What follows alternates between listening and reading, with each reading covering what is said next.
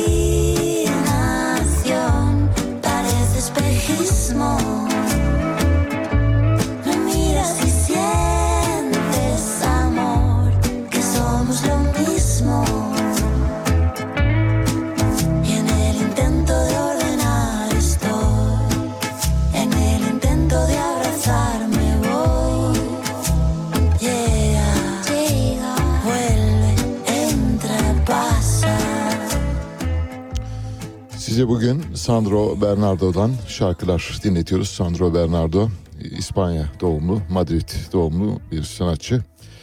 Latin Amerika, Avrupa ve Avustralya'nın çeşitli yörelerinden derlediği ezgilerle müziğe renk katıyor. Şu anda Arjantin'de, Kolombiya'da, Meksika'da ve Fransa'da yükselen yıldız e, son yaptığı albümlerle bu çıkışı yakaladı. Elektronik müziği organik seslerle birleştiriyor. Ortaya değişik bir iç alaşım çıkıyor dolayısıyla. Kendisini aslında tarif etmek için herhalde müziğinden öte aktivist kimliğiyle anlatmak lazım.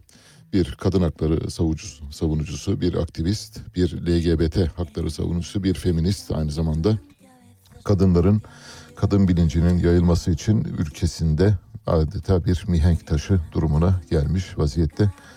Şu anda dinlediğiniz parça birlikte düet yaptığı bir arkadaşı var. Natalie Doko ile birlikte Camino que pasa. Evet başlıyoruz haberlerimize. Bugüne ilişkin ilk haberi herhalde günün sözü olarak seçmek gerekirse Diyanet İşleri Başkanı Profesör Doktor Ali Erbaş günün sözünü hak ediyor. Günün sözü klişesini hak edecek bir şey söylemiş. Şöyle diyor Ali Erbaş depremle ilgili. Yıkılmayacak sağlamlıkta evlerin yapılması bir kulluk vazifesidir.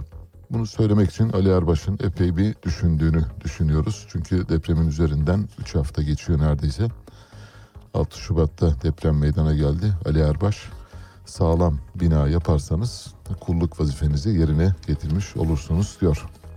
Bir şey söylemiş olmak için söylemiş olduğunu biliyoruz tabii. Şimdi depremle ilgili epey bir kafa karışıklığı var bildiğiniz gibi. Nerede ne zaman bir deprem olacak ya da yeni bir deprem olacak mı bu 10 ilde? Marmara depremi ne zaman olacak? Ege fayı ne zaman tekrar kırılacak? Konya'da bir kırılması beklenen fay var. Yani Türkiye'nin belki de en asude yerlerinden bir tanesi.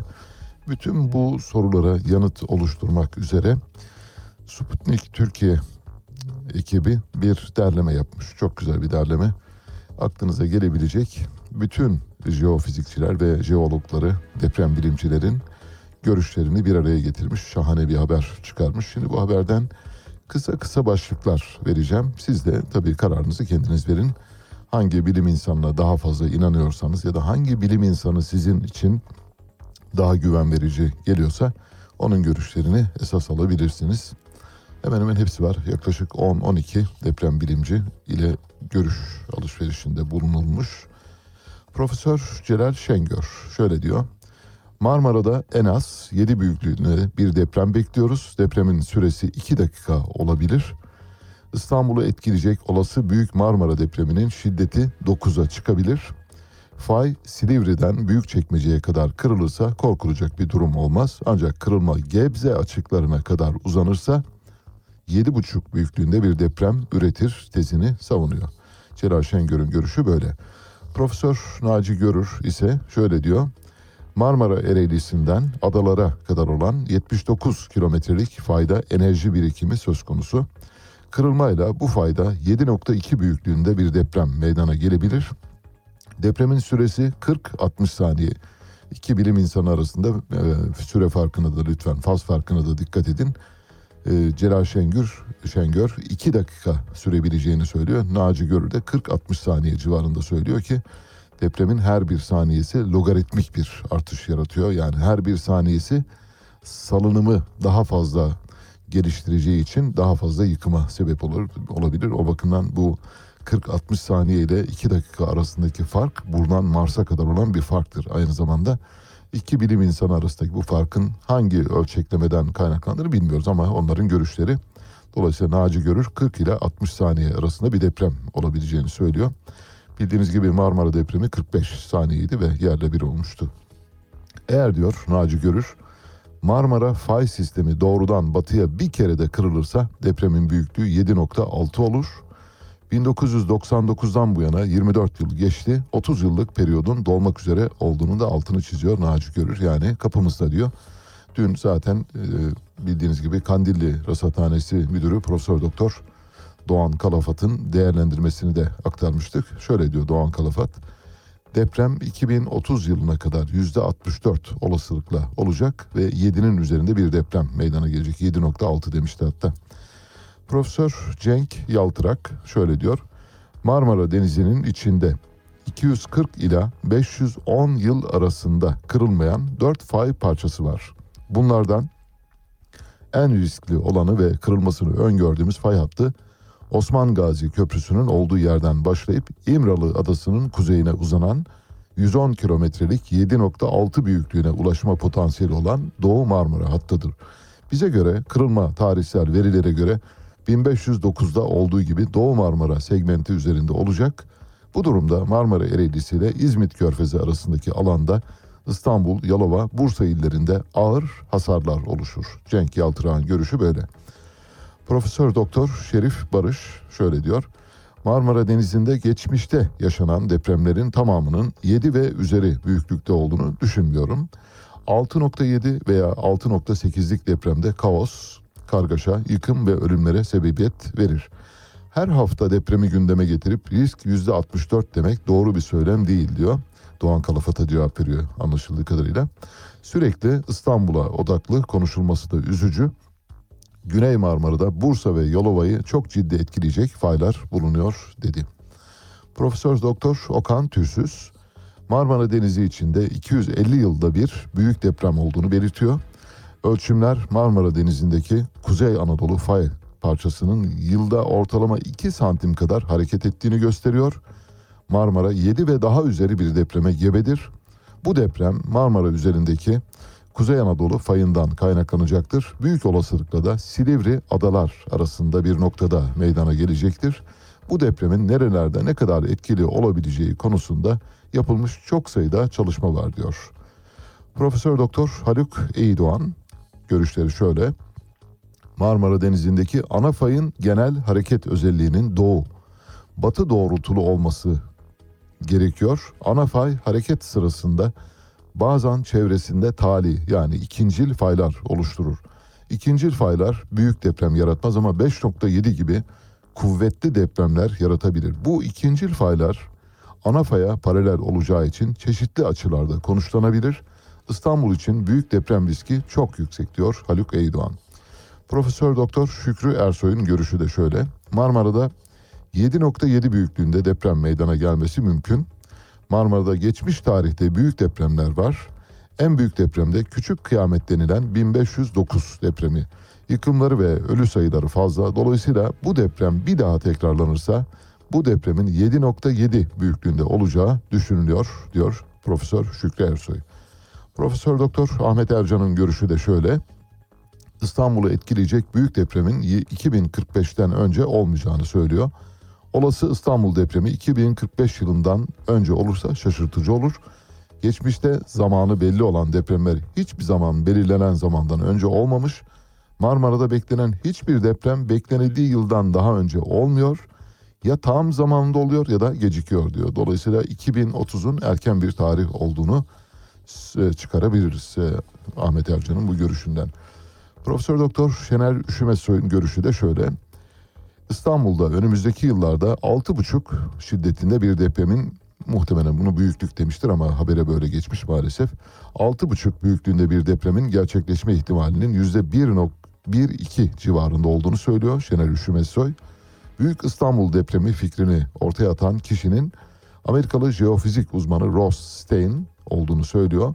Silivri Yeşilköy arasındaki 50 kilometrelik kırılmayan fay büyük bir deprem üretmeyecek diyor. Son derece iyimser Şener Üşümesoy. Bütün e, şu ana kadar okuduğum e, deprem bilimciler içinde en iyimser düşünen bu konuda. Profesör Doktor Sinan Özener Marmara'da yaşanacak olası büyük depremin ardından tsunami riskinin altını en çok çizenlerden biri kendisi.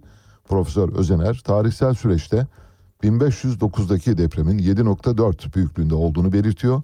O tarihte meydana gelen büyük depremde Marmara Denizi'nde tsunami oluşurken İstanbul'un kıyı bandında ciddi hasarlar yaşandığını tespit etmiş durumdayız.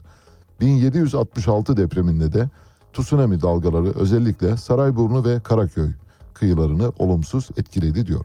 Son görüş Profesör Doktor Ziyaettin Çakır'dan. Ziyaettin Çakır İstanbul'u etkileyen 1912 depreminin bittiği yerden başlayacak yeni bir kırığın doğuya doğru ilerlerken yavaşlayıp durabileceğini söylüyor Profesör Çakır. Marmara depreminin beklenenden daha küçük olma ihtimalini artırmaktadır diyor. En iyimser ikinci görüşte Ziyaettin Çakır'a ait. Birinci Şener Üşümezsoy, iki numaralı iyimser görüş Ziyaettin Çakır'a ait. Eğer bu haberin ayrıntılarını öğrenmek istiyorsanız Sputnik Türkiye'nin internet sitesine girip oradan detaylı bakabilirsiniz.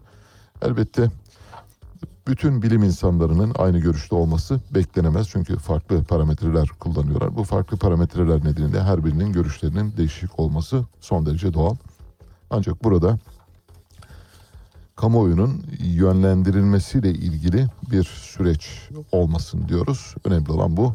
İnsanları gereksiz tedirginliğe sevk edecek ya da gereksiz rehavete sevk edecek herhangi bir şey olmaması gerektiğini. Yani tetikte durmalıyız ama çok da fazla korkmamalıyız.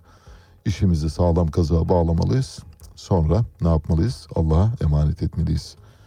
Evet depremle ilgili devam edeceğiz ama programın akışıyla ilgili küçük birkaç bilgi notu vermeme müsaade ediniz lütfen. Bugün telefon bağlantımızı Hatay'dan yapacağız. Hatay'da eski milli futbolculardan Gökhan Zan. Gökhan Zan bildiğiniz gibi Galatasaray ve Beşiktaş'ta da oynadı.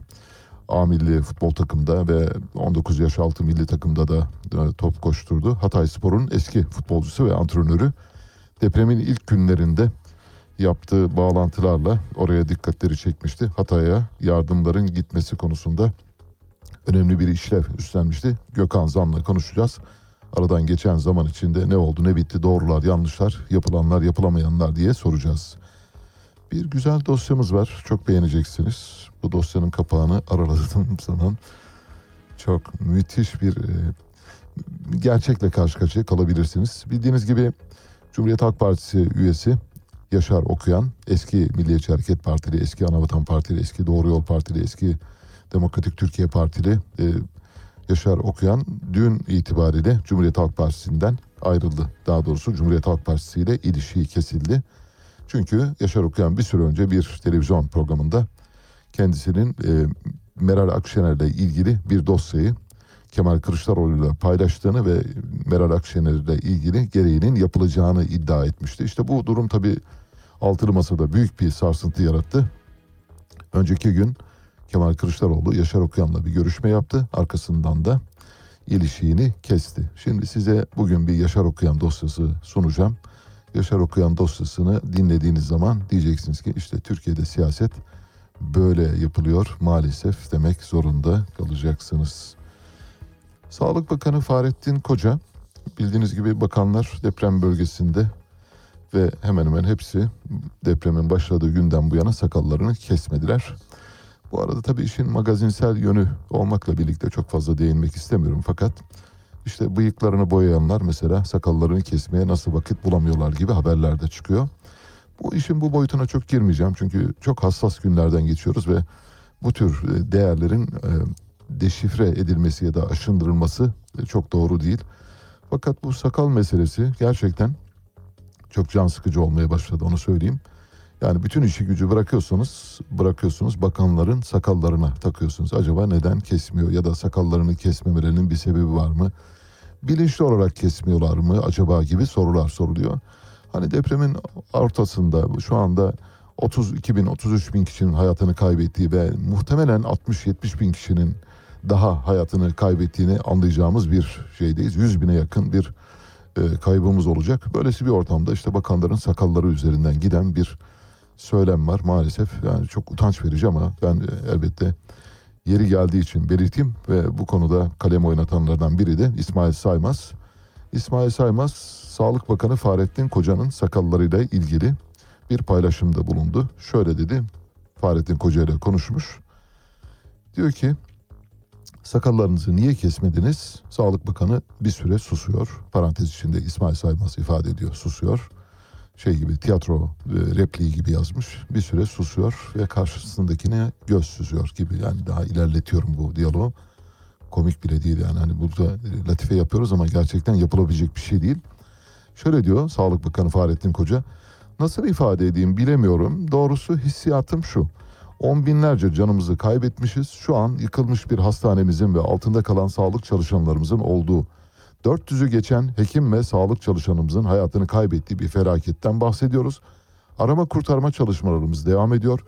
Defin işlemi bitmiş değil. Yasımız devam ediyor. Anadolu'da cenaze sahibi definden sonra sakalını keser.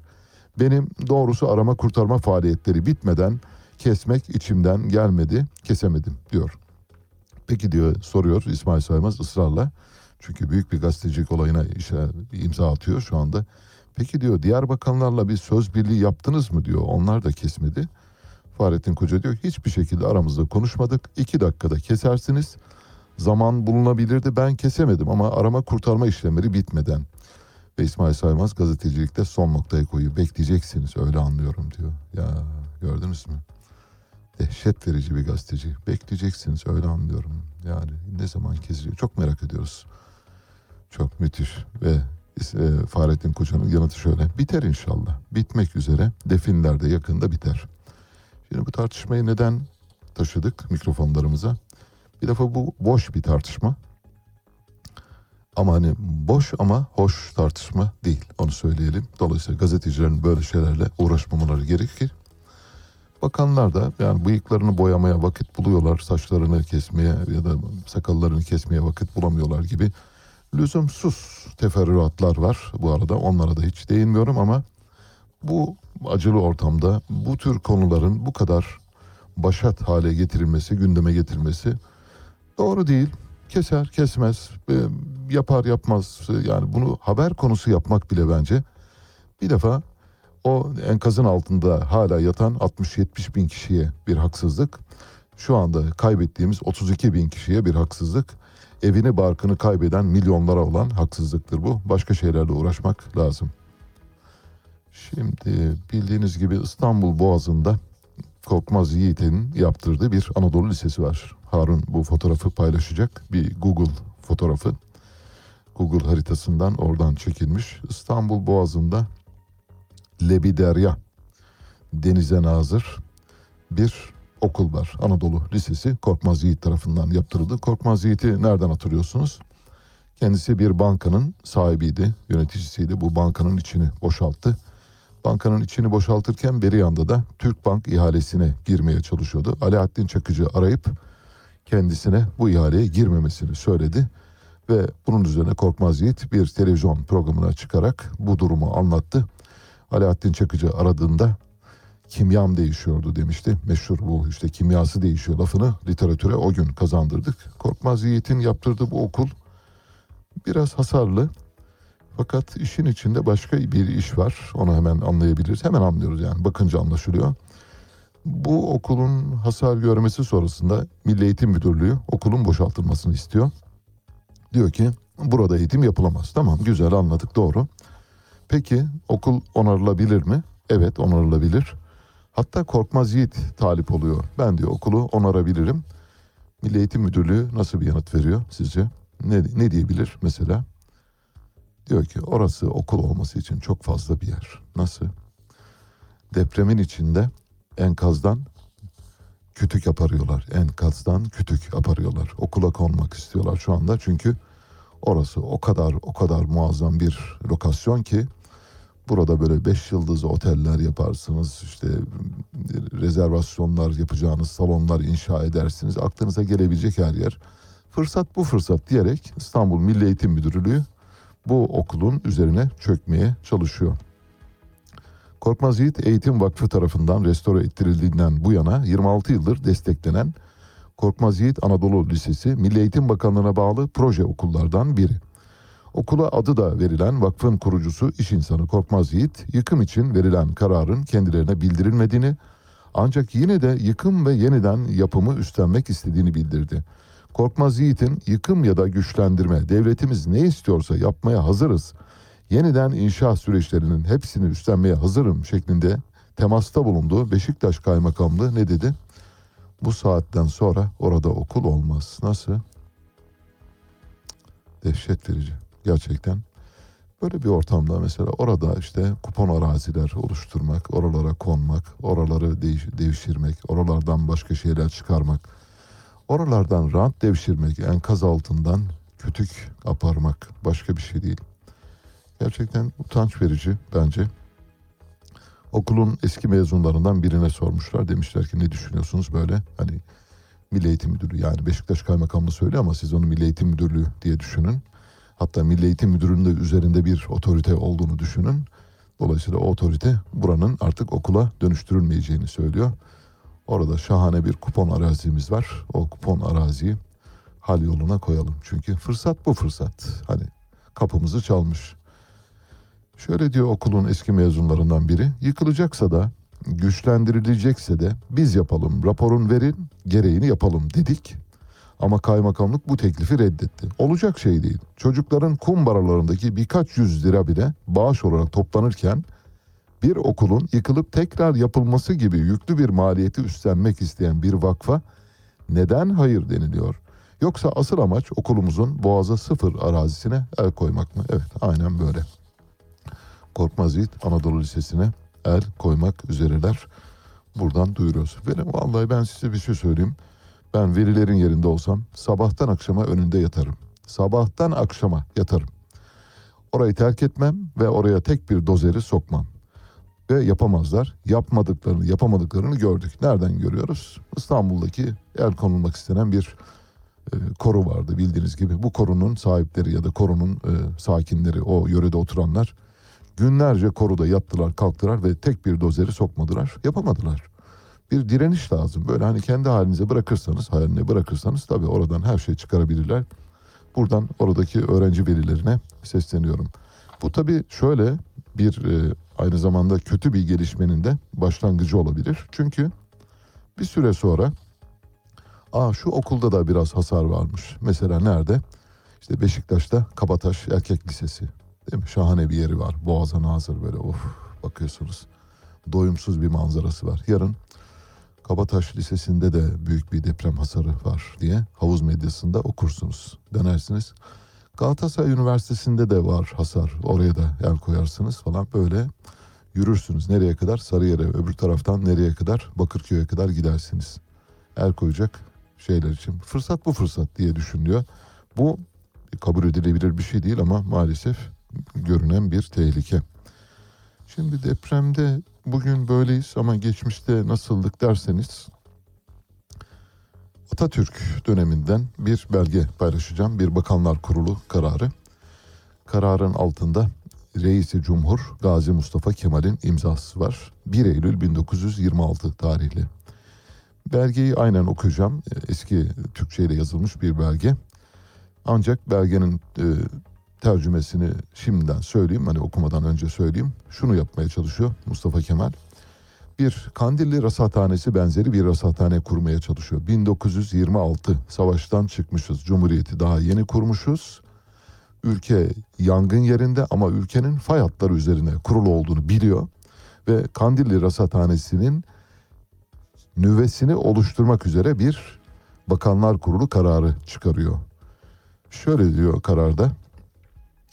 Tarz ve tertiplerindeki hususiyete mebni münakaşa suretiyle inşasına imkan olmayan ve bu kıştan evvel behemahal yapılması zaruri olan sismograf aletleriyle ekva, ekvatoryal ve muadele düzeninin vaazına mahsus binaların müzayede münakasa ve ithalat kanununun maddeyi mahsusasına tevkifan bütçede mevdu 35 bin lira mukabilinde emanetten yatırılması. Marif vekaletinin de 29 Ağustos 1926 tarih 154 Taksim 860 numaralı tezkiresiyle vuku bulan teklifi üzerine icra vekilleri heyetinin 1 Eylül 1926 tarihli içtimasında tasvip ve kabul olunmuştur. Diyor ki ülkemize bir takım sismograf aletleri getireceğiz. Ölçü aletleri getireceğiz. Deprem ölçümlerinde kullanacağız. Bunlarla ilgili bir tahsisat yani ödenek ayrılmıştır. Bu ödeneğin yerine getirilmesi için Bakanlar Kurulu karar vermiştir diyor. Kendisi imzalamış. O dönemin bakanlarını da şöyle bir hatırlayalım. Başvekil İsmet, Adliye Vekili Mahmut Esat, Müdafaa-i Milliye yani Milli Savunma Bakanı Recep Peker'den bahsediyor. Bahriye Vekili İhsan Dahiliye Vekili Mustafa Cemil, Hariciye Vekili Doktor Tevfik Rüştü Aras. Soyadları yazmıyor ama ben soyadlarını ilave ediyorum. Maliye Vekili Abdülhalik Renda, Marif Vekili Mustafa Necati Bey, Nafa Vekili Behiç, Ziraat Vekili Mustafa Sabri, Ticaret Vekili Mustafa Rahmi, Sıhhiye ve Muavenat İştihat Vekili Doktor Refik yani Refik Saydam. Evet. 1926 savaştan çıkmışsınız. Ülke erkek nüfusunun üçte birini kaybetmişsiniz. Geri kalanları zaten gazi ve malul durumda. Ülkede beş kuruşa muhtaçsınız. Zaten döviz kaynaklarını son derece sınırlı. Sanayiyi geliştiriyorsunuz, kurmaya çalışıyorsunuz. Tekel fabrikaları kuruluyor, şeker fabrikaları kuruluyor, dokuma fabrikaları kuruluyor. Alkol fabrikaları kuruluyor ve alkolet fabrikaları kuruluyor. Yani e, ilaç üretiminde kullanılan fabrikalar. Bu arada limanlar inşa ediliyor ve o ortamda Mustafa Kemal ne yapıyor? 1926'da Kandilli'nin ilk nüvesini oluşturmak üzere Bakanlar Kurulu'na tahsisat çıkarılması yetkisi veriyor. Onu nereden nereye? Oradan nereye geliyoruz? Korkmaz Yiğit Anadolu Lisesi'ne el konulmasına kadar geliyoruz. İşte fırsatçılık bu. Başka türlü düşünmek mümkün değil herhalde. Borsa İstanbul'la ilgili bir paylaşım var. Şimdi Harun bir grafik var. O grafiği de paylaşacak sizinle. Borsa İstanbul'daki yerli yabancı yatırımcı paylaşım portföyle ilgili bir e, grafik var. Bu grafiği paylaşacağım. Burada grafikte belki de en ilginç olan husus şöyle. Şimdi Amerika Birleşik Devletleri orijinli şirketler bizim borsamızda en fazla yabancı payını oluşturuyor. Borsamızdaki yabancı payının bu arada %30'un altında olduğunu söyleyelim. Yani borsada yabancı takası tarihsel olarak en dip seviyede %30. İşte bu %30'un aslan payını kim oluşturuyor? Amerikalılar oluşturuyor. Kaplan payı İngilizlere ait. Onlar da ikinci sırada. Şimdi sıkı durun. Amerikalılar 836 yatırımcıyla borsada birinci sırayı oluşturuyor. 836 Amerikalı gelmiş, Amerikalı şirket gelmiş ve borsada yabancı portföyünün en büyük pastasını almış. Şimdi dikkat edin. Katarsa sadece 8 yatırımcıyla borsadaki yabancılar sıralamasında 3. durumda. Nasıl? Bir tuhaflık yok mu? Bence büyük büyük bir tuhaflık var. Yani tarif edilemez bir tuhaflık var. Şimdi 835 kişiyle Amerika birinci sırada. Katar 8 yatırımcıyla sadece 8 yatırımcıyla 3. sırada. Mesela Lüksemburg 174 yatırımcıyla Katar'ın altında, Singapur 12 yatırımcıyla Katar'ın altında, İrlanda 129 yatırımcıyla Katar'ın altında, İsviçre 78 yatırımcıyla Katar'ın altında, Fransa 41 yatırımcıyla Katar'ın altında, Hollanda 119 yatırımcıyla Katar'ın altında. Tuhaf bile değil yani. Çözülme, çözünülemez, çözümlenemez bir problemle karşı karşıyayız. Daha tuhaf olanını söyleyeyim, öyle noktalayayım bu meseleyi. Türk borsasında Türk yatırımcı sayısı da dördüncü sırada. Yani yabancı görünümlü Türk yatırımcı. Türkiye borsasına en fazla yatırım yapan dördüncü yabancı kategorisi Türklere ayrılmış durumda. 10.654 yabancı kökenli Türk yatırımcı var. Bunlara bıyıklı yabancılar diyoruz. Dolayısıyla böyle bir tuhaf durum var. Şimdi bu 8 yatırımcıyı tek tek sayabilirim ben. Katarlı 8 yatırımcıyı. Bir numaradan başlayayım değil mi? Katar emiri Şeyh El Temim mesela bir tane öyle gidiyor. El Temim'in amcası oğlu, dayısı oğlu, kuzeni, kayınçosu vesaire bacana falan diye gider işte. Onlar 8 kişi gelip borsada 3. sıraya oturabiliyorlar. Diğer bütün ülkelerin yatırımcı sayısının onda biri nispetinde değil ama sıralamada üçüncü. O kadar büyük portföyler almışlar ki bu portföylerin tüketilmesi söz konusu bile olamaz. Şimdi depremde bugün tabii büyük bir çaresizlik yaşıyoruz. Geçmişte de böyle çaresizliklerimiz oldu. Mesela elimde bir gazete küpürü var. Tan gazetesi. O dönemin önemli gazetelerinden biri 1940'lı yılların müthiş gazetesi Tan. Bugün işte yani en iyi gazetemiz hangisi ise bilmiyorum. En iyi gazete diye düşününce aklıma hiçbir gazete gelmiyor maalesef. O gazetelerden biri olarak Tan o zaman çok etkili bir gazeteydi. Tan gazetesinin 1940 tarihli bir nüshasında şöyle bir haber var. Harun paylaşacak bu sayfayı. Dağ köyleri 10 gündür yardımsız. Kurtulanlardan, açlıktan ve donarak ölenler de var diyor.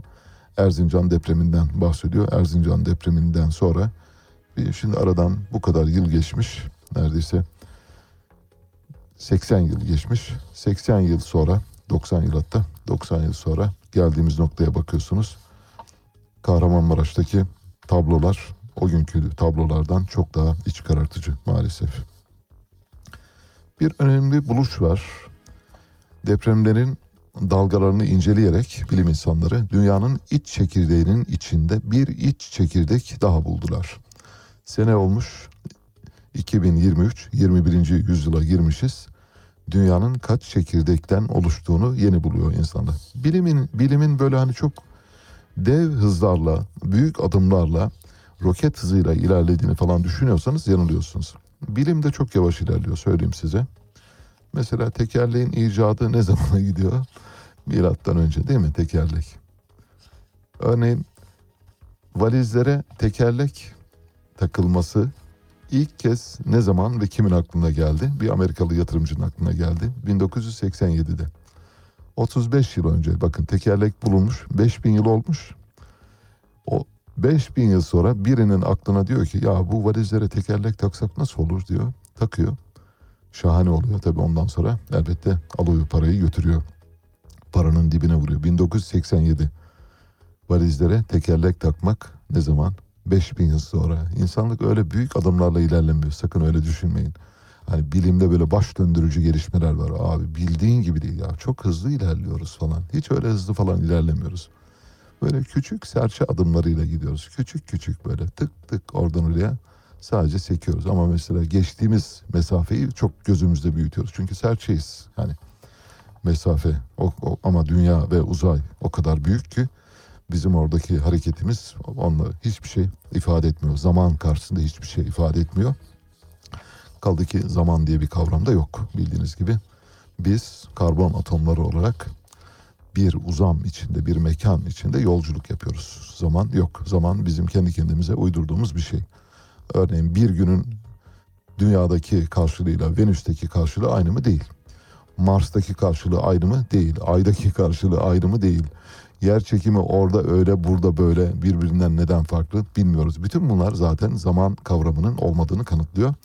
Biz büyük bir kozmosta yolculuk yapan, bir yerden bir yere doğru giden insanlarız. Ee, Zaman kavramını kendi kendimize sadece işte 60 yıl yaşıyoruz. Hani yıl kavramını icat etmek için icat ettiğimiz bir şey olduğunu düşünüyorum şahsen. Bu benim kişisel görüşüm.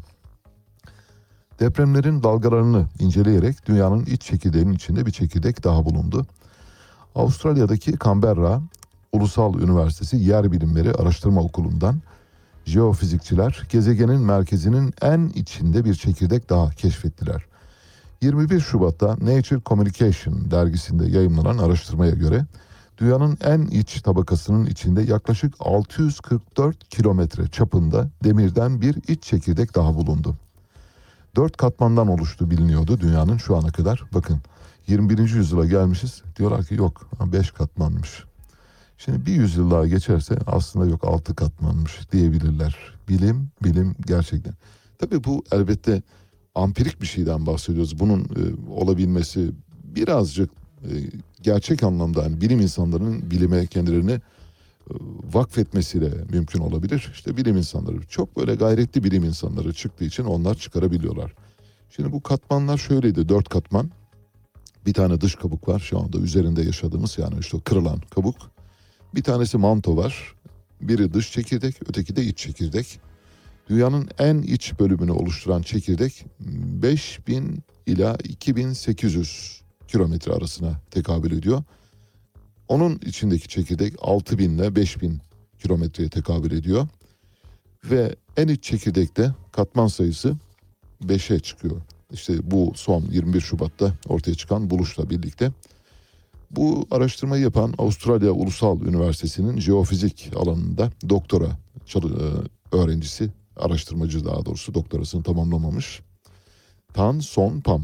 İlk kez bu çalışmada güçlü depremlerden kaynaklanan sismik dalgaların sekercesine dünyanın bir ucundan diğer ucuna 5 defaya dek gidip gelmesine dair gözlemleri rapor ediyoruz. Ne demek istiyor? Diyor ki bugüne kadar depremlerin oluşma etkilerini gözlediğimizde deprem dalgasının dört kez sekerek gittiğini biliyorduk. Aa bir baktık ki deprem dalgası beş kez sekiyor. E demek ki o zaman bir beşinci katman var. Altıncı katmanı bulabilmeleri için bir yüzyıl daha geçmesi gerekebilir bilmiyoruz. Şöyle diyor, bu katmanın daha önce ayrıntılı şekilde gözlemlenmemiş olmasının bileşiminin üzerindeki katmana çok benzemesinden kaynaklanan. Burada çok man- mantıklı bir açıklama yapıyor. Şimdi ifade edeceğim. Siz de anlayacaksınız ki yani yanılma payı çok yüksek olabilecek bir şey. Katmandan katmana keskin değil aşamalı bir geçiş var diyor Pem.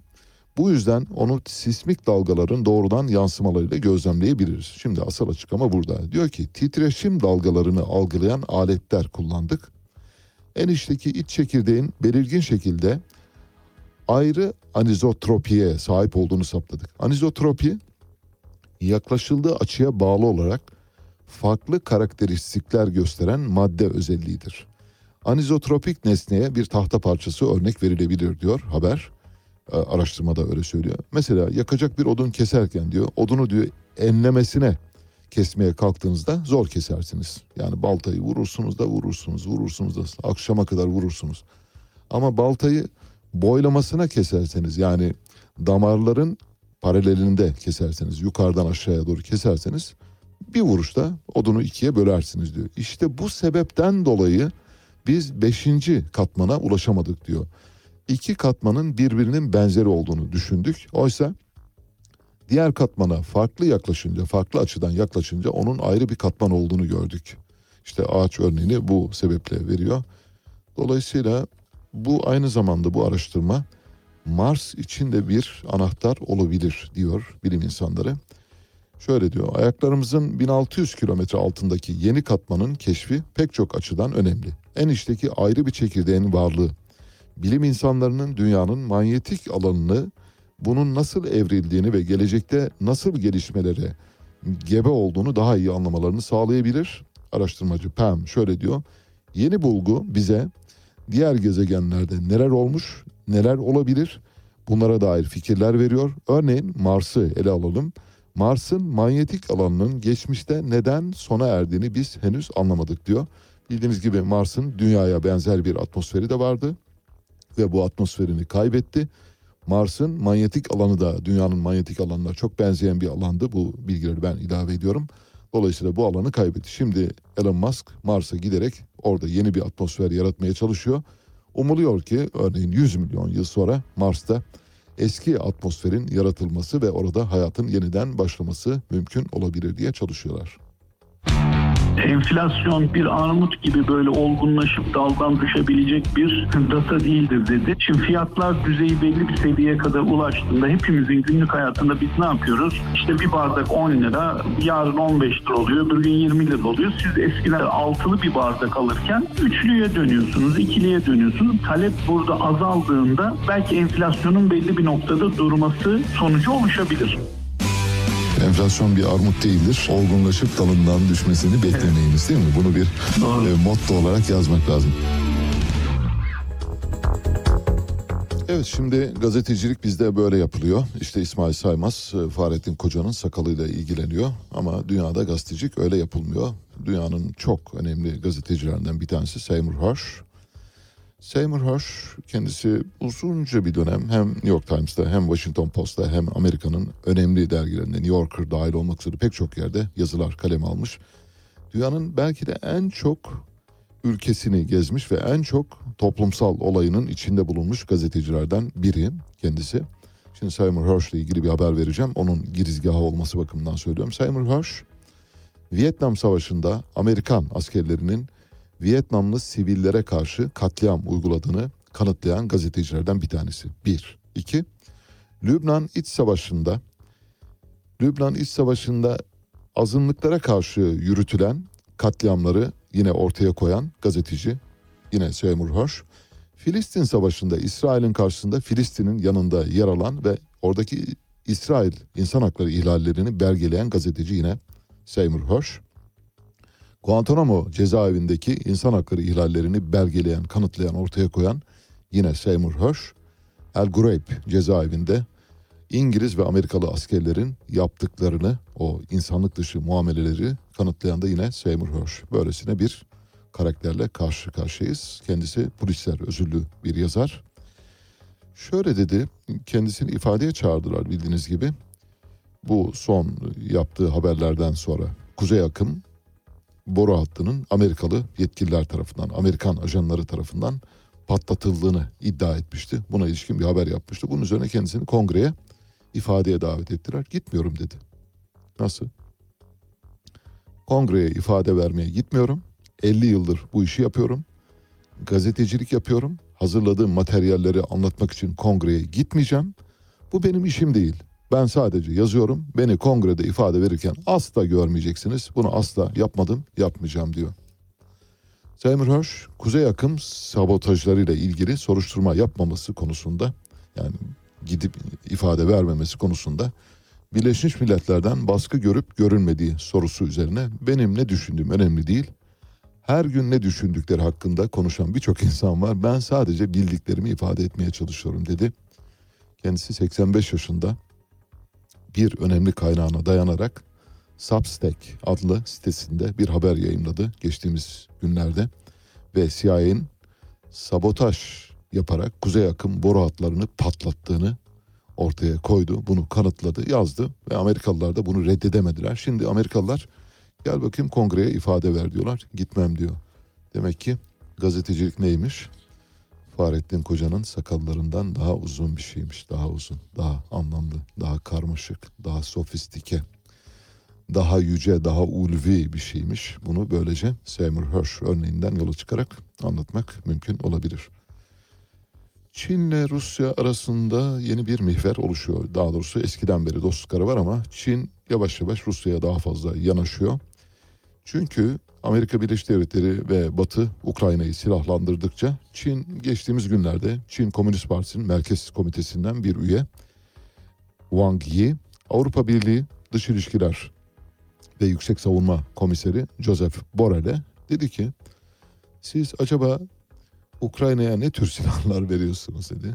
Borrell de dedi ki Allah işte biz vermiyoruz aslında öyle bir şey yok. Bu sadece bağış kabiliğinden şeyler. Peki dedi mesela siz orayı silahlandırırken biz de acaba Rusya'yı silahlandırsak buna ne dersiniz diye böyle pat bir aparkat çaktı. Dolayısıyla şu anda Avrupa Birliği ne olmuş durumda? Krogi durumda Avrupa Birliği'ni sarstı Çin. Bilim insanları 10 yıl içinde yeni robotlar işe alınmaya başlayacak diyor. Avustralya'daki Sydney Üniversitesi İşletme Fakültesinden araştırmacılara göre insan yüzlü rehber robotlar artık istihdam edilmeye başlanacak. Amerika'daki Indiana ve Iowa eyalet üniversiteleriyle ortaklaşa çalışma yürüten Avustralya'daki Sydney Üniversitesi İşletme Fakültesinden bilim insanları yapay zekanın geleceğine ilişkin öngörüler gerçeğe dönüşürse önümüzdeki 10 yıl içinde çoğu şirketin dijital insanlar istihdam etmiş olabileceğini belirtiyor ve bu insanların duygusal tepkileri kopyalayabileceklerini, beyinlerimizin bu kopyalama işliğini yapar derecede bir e, yapay zekaya doğru gidildiğini belirtiyor. Neredeyse insanın davranışlarını, örneğin hoşuna giden bir durum karşısında gülümseyip, hoşuna gitmeyen bir durumda kaşlarını çatması ya da olmadık şeyler, dudaklarını büzmesi gibi hareketler yapabilecek. Dolayısıyla karşınızdaki insanla bir robot değil artık gerçek bir insanmış gibi konuşabileceğiniz bir durum olabilir demek istiyor bilim insanları. Son bir haber vereceğim. Ondan sonra araya gideceğiz. Yargıtay ahlaksız kelimesini hakaret saydı. Ahlaksız kelimesini en son bildiğiniz gibi Cumhurbaşkanı Erdoğan Kemal Kılıçdaroğlu'na karşı kullanmıştı. Şöyle bir dava var. Bu davanın e, karar e, bölümünü paylaşıyorum sizde. Diyor ki Yargıtay dosya çerçevesinde olay tarihinde haciz işlemi için sanığın evine gidildiğinde sanığın katılana şerefsiz, ahlaksız sen benim evime nasıl memur getirirsin şeklinde sözler söylediği ortadadır. Katılanla yani şikayetçiyle tanığın aşamalarda birbirleriyle uyumlu beyanları ve dosya içindeki haciz tutanağı karşısında katılana yönelik hakaret suçunun subut bulduğu gözetilmeden bu suçtan sanığın mahkumiyeti yerine beraat kararı verilmesi kanuna aykırıdır. Hükmün bozulmasına oy birliğiyle karar verilmiştir diyor. Adam haciz için geliyor. Haciz için gelince evine haciz gelen kişi haciz getiren kişiye diyor ki ahlaksız diyor. Ve dava konusu oluyor. Davada ahlaksız diyen kişi haklı bulunuyor. Diğer kişi mahkum ediliyor. Yargıtay'a gidiyor. Yüce Yargıtay diyor ki hayır haklıdır. Haciz de tıpkı diğer hakların eldesi gibi o da normal bir haktır. Dolayısıyla kanunen verilmiş bir yetkiyi kullanmak üzere oraya gitmiştir. Bu konuda laf söylemeye bile gerek yok. Bu bakımdan ayrıca kullandığı sözler de hakarettir diyor. Yargıtay'ın bundan önceki iştihatlarına da bakarsak sadece e, ahlaksız sözü değil mesela şerefsiz sözü ahlaksız, aptal, müsvedde, gerizekalı, eşek, öküz gibi kelimelerde yine hakaret olarak kabul ediliyor. Aman siz siz olun bu tür sözleri kullanırken dikkatli hareket ediniz. Evet. Saat başına gidiyoruz. Saat başında gazetelerle başlayacağız. Gazetelerden haberleri paylaşacağız. Arkasından size şahane bir Yaşar Okuyan dosyası sunacağım. Yaşar Okuyan kimdir, nedir, necidir diye merak ediyorsanız dün Cumhuriyet Halk Partisi'nden ilişiği kesilen Yaşar Okuyan'la ilgili çok beğeneceksiniz. Yani bilmediğiniz pek çok şeyi öğrenme imkanı olabileceğini sandığım bir dosya sunacağım. Size Sandro Bernardo'dan parçalar seçtik. Şu anda Sandro Bernardo Mediterraneo diyor.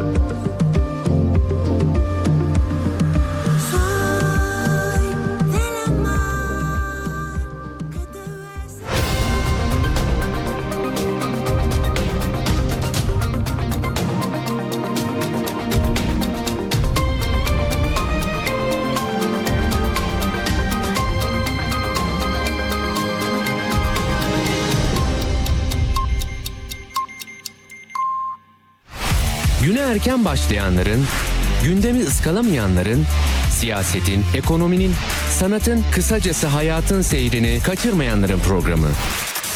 Ali Çağatay'la Seyir Hali hafta içi her sabah 7'den 9'a Radyo Sputnik'te. Evet, yeniden birlikteyiz. E, Gazete manşetleriyle devam edeceğiz. Cumhuriyet Gazetesi'yle başlıyoruz. Cumhuriyet Gazetesi'nin manşetinde Kemal Kılıçdaroğlu'yla Kocaeli Büyükşehir Belediye Başkanı Tahir Büyükakın'ı yan yana gösteren bir fotoğraf var. Her ikisi de deprem bölgesinde bir e, kucaklayıcı, kuşatıcı bir e, manşet seçmiş Cumhuriyet Gazetesi. Bence de bu tür manşetlere ihtiyacımız var. Şöyle diyor, kucaklayan siyaset. CHP lideri Kılıçdaroğlu AKP'li belediye başkanıyla bölgeyi gezdi, teşekkür etti. Tehdit ve hakaret diline karşılık CHP Genel Başkanı Kılıçdaroğlu Kocaeli'nin AKP'li Büyükşehir Belediye Başkanı Tahir Büyükakın'la çadır kentleri gezdi. Hatay'daki bu görüntü ayrıştıran değil birleştiren siyasetin ne kadar önemli olduğunu bir kez daha gözler önüne serdi. Bence de çok muhteşem bir görüntü. Yani belki de depremin başından bu yana görmek istediğimiz nadir görüntülerden bir tanesi. Her ikisi e, aynı şey. Yan, yanlarında da bu arada parti yetkilileri var. E, Mansur Yavaş'ı da görüyoruz arkada, karede. Hemen arkada da Lütfü Savaş'ı görüyoruz. Hatay Belediye Başkanı. Bu arada Meral Akşener şöyle diyor.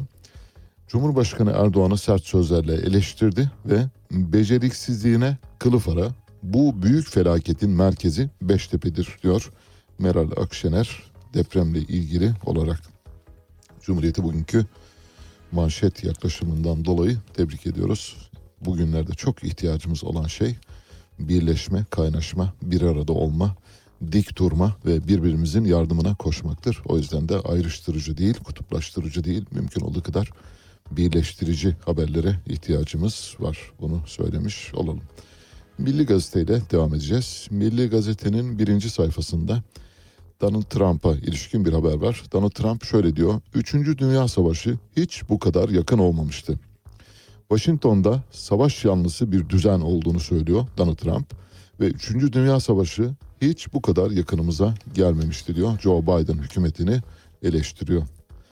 Akit'le devam ediyoruz. Akit'in birinci sayfasında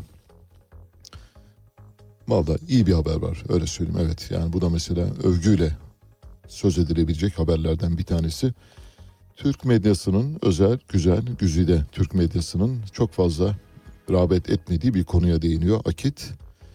Bir deprem uzmanıyla konuşmuş, Rus bir deprem uzmanıyla konuşmuş. Meşhur bu işte depremlerin uzaydan gönderilen 10 metre uzunluğundaki titanyum çubuklarla e, gerçekleştirildiği ya da tetiklendiğine ilişkin uzay ajansı başkanının görüşleri var biliyorsunuz. Koskoca uzay ajansı başkanı yani bir çocuğun bile inanmayacağı şeyleri bir bilimsel görüş gibi sundu. Bakın Akit bugün bir bilim haberi yapmış. Şöyle diyor, depreme dış müdahale olsa uzmanlar anlardı. Kahramanmaraş merkezi depremleri inceleyen Rusya Bilimler Akademisi, Deprem Tahmini Teorisi ve Matematiksel Jeofizik Enstitüsü baş araştırmacısı Doktor Alexander Gorshkov, Akit'e özel açıklamalarda bulundu. Depremin harp teknolojisiyle gerçekleştirildiği iddialarını değerlendiren Rus uzman Gorshkov, an itibariyle sismik silahların varlığına ilişkin herhangi bir bilgiye sahip değiliz. Yer kabuğu üzerinde insan eliyle meydana getirilen patlamalar sonucunda ortaya çıkan herhangi bir etki ya da enerji deprem uzmanları tarafından tabii süreçlerden kolay bir şekilde ayırt edilir. Yani sismologlar süreç üzerindeki herhangi bir dış etkiyi kesinlikle görür. Ne demek istiyor? Bildiğiniz gibi bu harp teknolojisini geçtiğimiz günlerde anlatmaya çalışmıştım. Harp teknolojisi dedikleri şey şu. Güya çok yüksek frekanslı manyetik dalgalar gönderilerek deprem oluşturulabiliyor. Çok yüksek frekanslı manyetik dalgalara harp diyoruz işte. Baş harfleriyle H, A, A, R, P diye yazılıyor. Harp teknolojisinin bu olmadığını biliyoruz. Harp teknolojisinin bir sinyal yayma aracı ol, olmadığını da biliyoruz. Harp teknolojisinin kullanım alanının ne olduğunu o günkü yayında da hatırlatmıştım. Bir defa biliyorsunuz radyo dalgaları işte kısa dalga, orta dalga, uzun dalga diye gidiyor. Kısa da bizim şu anda dinlediğiniz radyo yayını bir FM yayınıdır.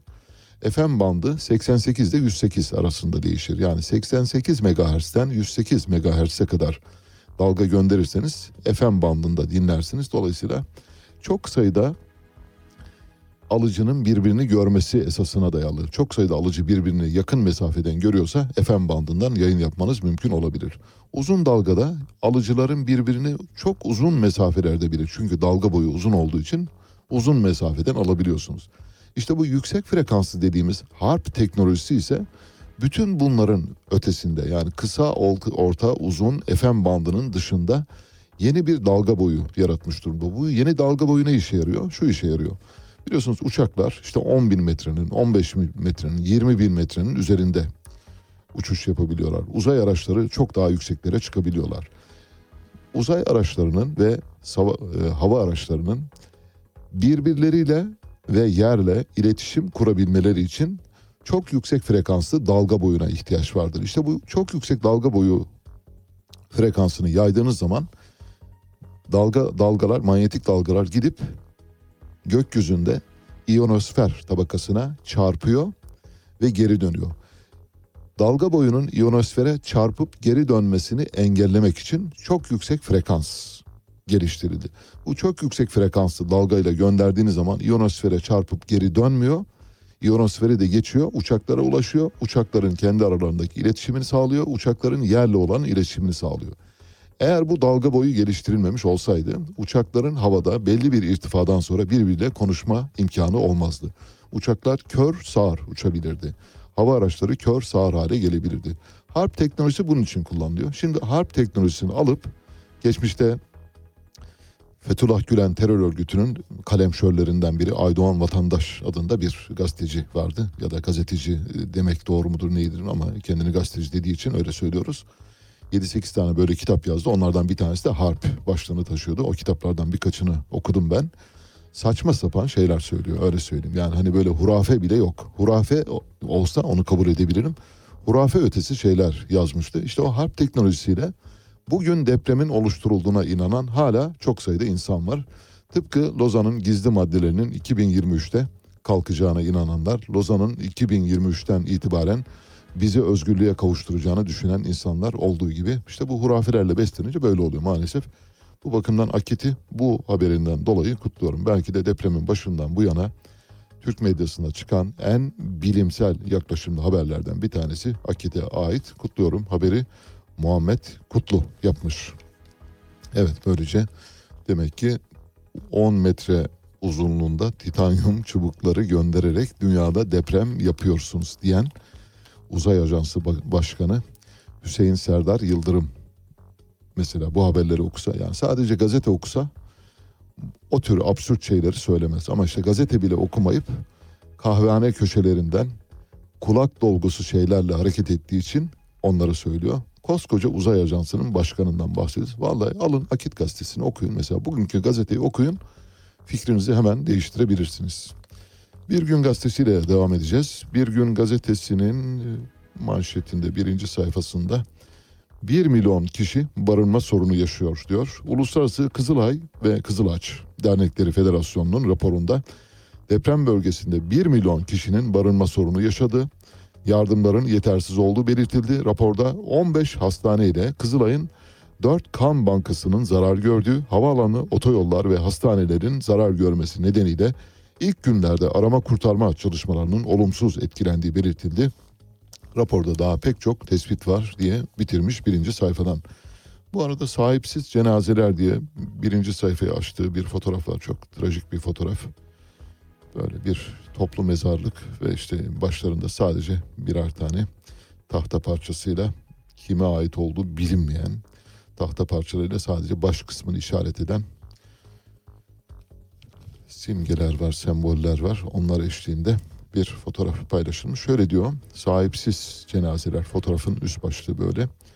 Hatay'da kimliği belirlenemeyen ve yakını bulunamayan cenazeler merkezden 20 dakika uzaklıktaki Narlıdere'deki toplu mezara defnediliyor. Buradaki toplu mezarda 4000'den fazla cenaze var. DNA, parmak izi ve fotoğrafları alınan cenazelerin defnedildiği mezar kayıt altına alınıyor.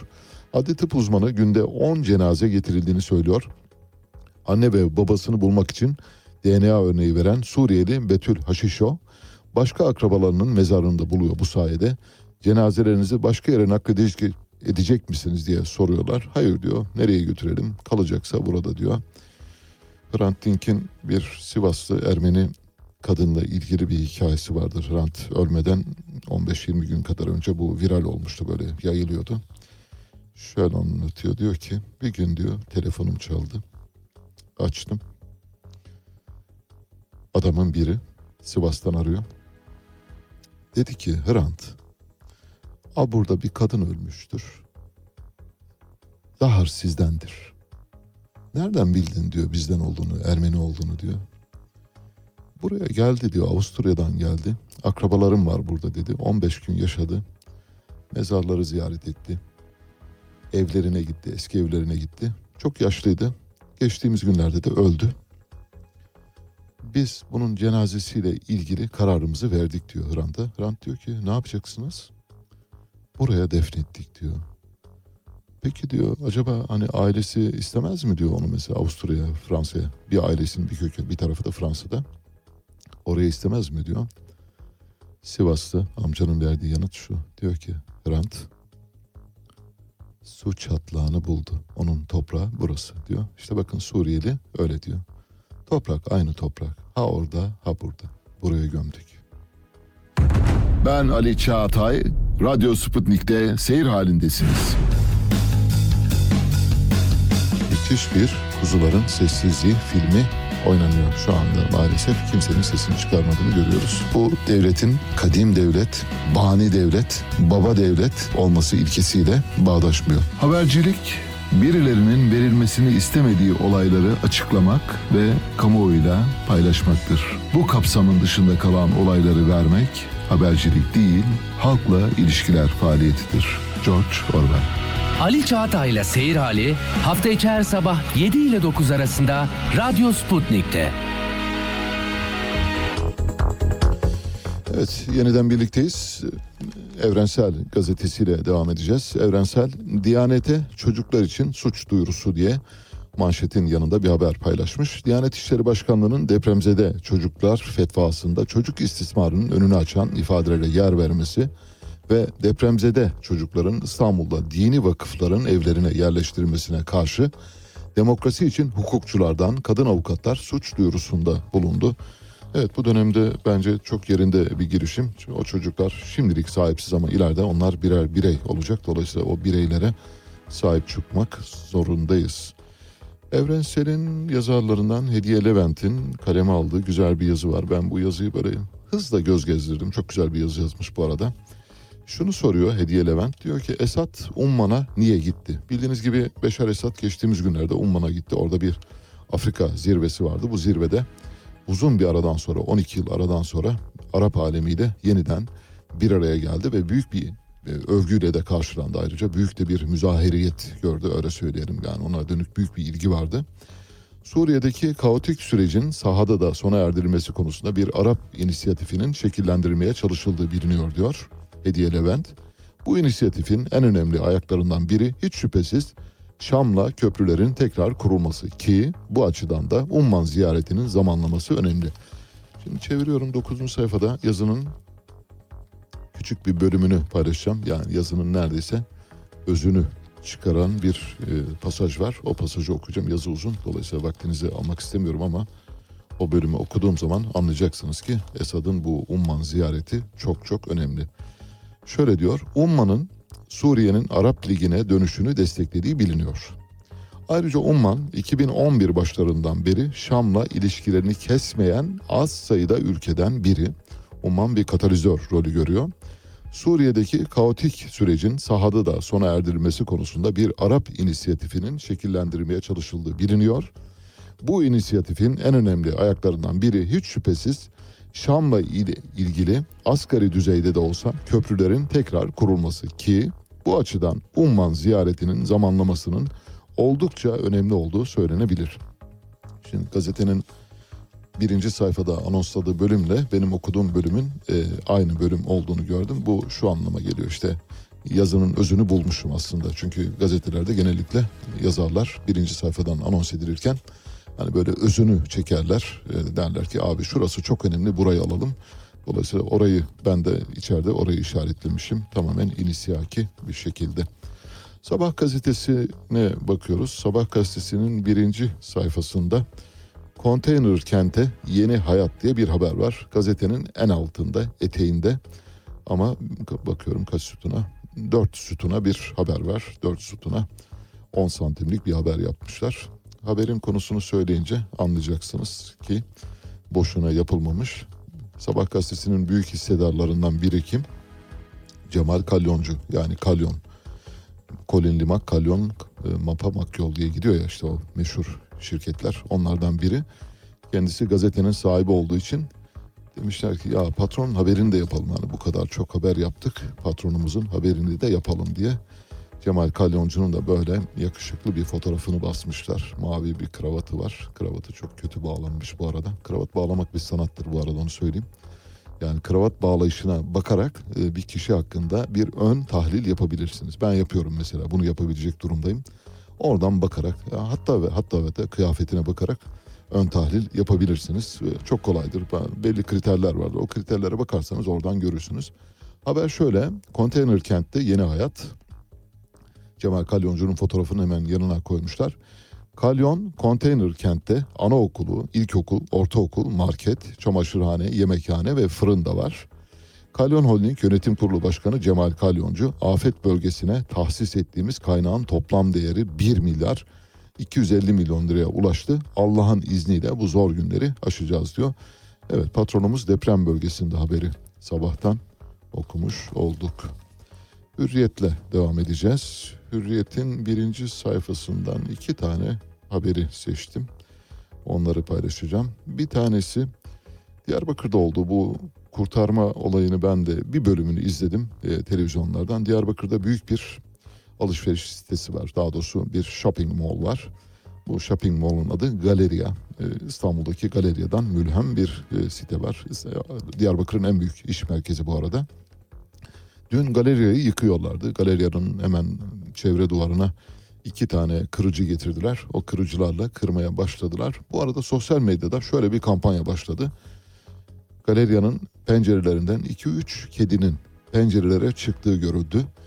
Kedilerle beraber e, binayı yıkıyorlar diye bunun üzerine işte bakın kamuoyu baskısı ne kadar etkili. O yüzden Korkmaz Yiğit Anadolu Lisesi'nde çocukları olan öğrenci velilerine söylüyorum. Bugünden geci yok. Bugünden tezi yok. Hemen gidin okulun bahçesine çadır açın ve yatın. Kesinlikle dokunamazlar. Yapamazlar bunu. Mümkün değil ama siz seyrederseniz o okul yarın oraya şahane böyle beş yıldızlı bir otel olur. Olur yani. Ve çok da iyi olur onu söyleyeyim. Yani şahane bir otel olur. Ama okul olarak kullanılmaz. Şimdi çocukların deniz manzarası seyretmek, o denizin havasını teneffüs etmek, yosun kokularını içlerine çekmek gibi bir hakları yok mu? Var deniz kenarında diye deprem gerekçesini göstererek okula çökmeye çalışıyorsunuz. Bu deniz kenarında olan diğer okullar için de geçerli. Buradan uyarı işaretini göndermiş olun. Filan okulda da bir deprem hasarı var. Eh onu da elden çıkaralım. Hadi size başka bir okul. Ya 60 yıldır o okul orada. Şimdi tabii Kabataş için söylüyorum. Bu okulda Korkmaz Yiğit okulu da 30 yıldır orada. Şimdi aklınıza geliyor ve bir gün tabii kupon arazi peşindesiniz. O yüzden Neyse dönüyorum tekrar e, Diyarbakır'daki galeriya yıkımına.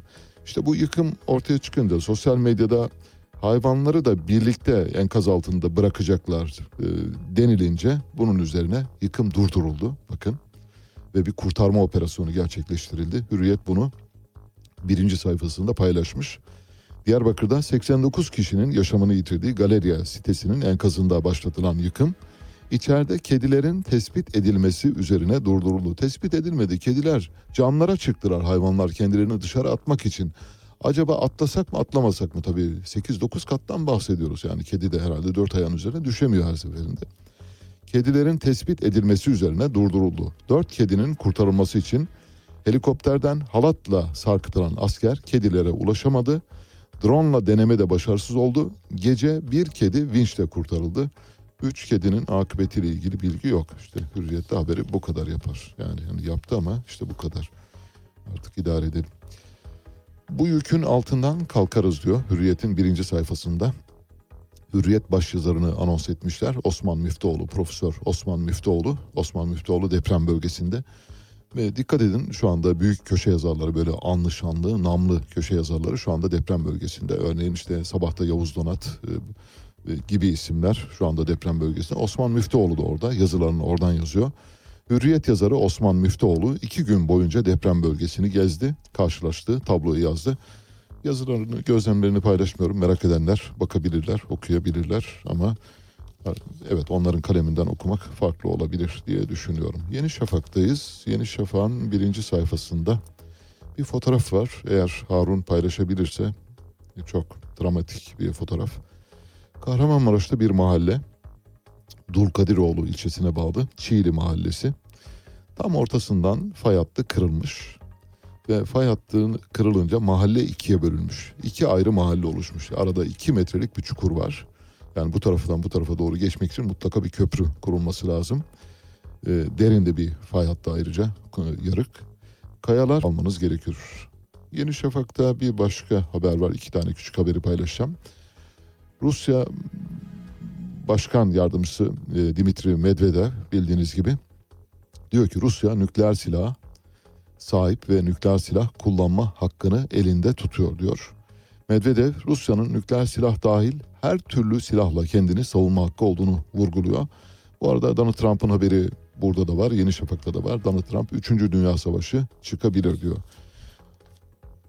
Amerika ile Rusya arasında gerilim başladığında ve NATO'nun Rusya'ya müdahale hakkı da dahil olmak üzere pek çok hakkı kullanabileceği ortaya çıkınca Rusya Devlet Başkanı Vladimir Putin şöyle demişti. Evet dedi. Biliyoruz sizin askeriniz bizden fazla. NATO 30 üyeden oluşuyorsunuz. Bizim askerimizden kat be kat fazla askeriniz var. Bizden daha fazla tankınız var. Bizden daha fazla uçağınız var. Bizden daha fazla topunuz var. Bizden daha fazla nüfusunuz var. Evet bizden çok güçlüsünüz bunu görüyorum dedi. Ama dedi unutmayın ki benim nükleer silahım sizden fazla. Gerçekten envantere baktım o gün. Rusya'nın elindeki nükleer silah kapasitesi 5194 yani nükleer başlık taşıyan kapasite 5194. Tüm Batı'nın Amerika Birleşik Devletleri dahil 5800. Demek ki karşılıklı birer tane füze fırlatmaya kalksalar Rusya'nın elinde yine bir yüz küsür füze kalıyor. İşte o caydırıcılığı kullanıyor. Burada tabii elbette yani bunları kullanırım anlamında söylemiyor ama iş eğer hani zor oyunu bozar derler ya. Eğer bir gün zoru kullanmaya kalkarsak vallahi nükleer silahlar kapasitesi bakımından ben sizden daha iyiyim. Sizin askeriniz, topunuz, tüfeğiniz, şununuz, bununuz falan beni ilgilendirmez. Onların tamamını çöpe atabilirsiniz. Nükleer bir kapasiteyle karşı karşıyasınız dedi. İşte o günden sonra biraz herkes sopasını saklamaya başladı maalesef. Milliyet gazetesindeyiz.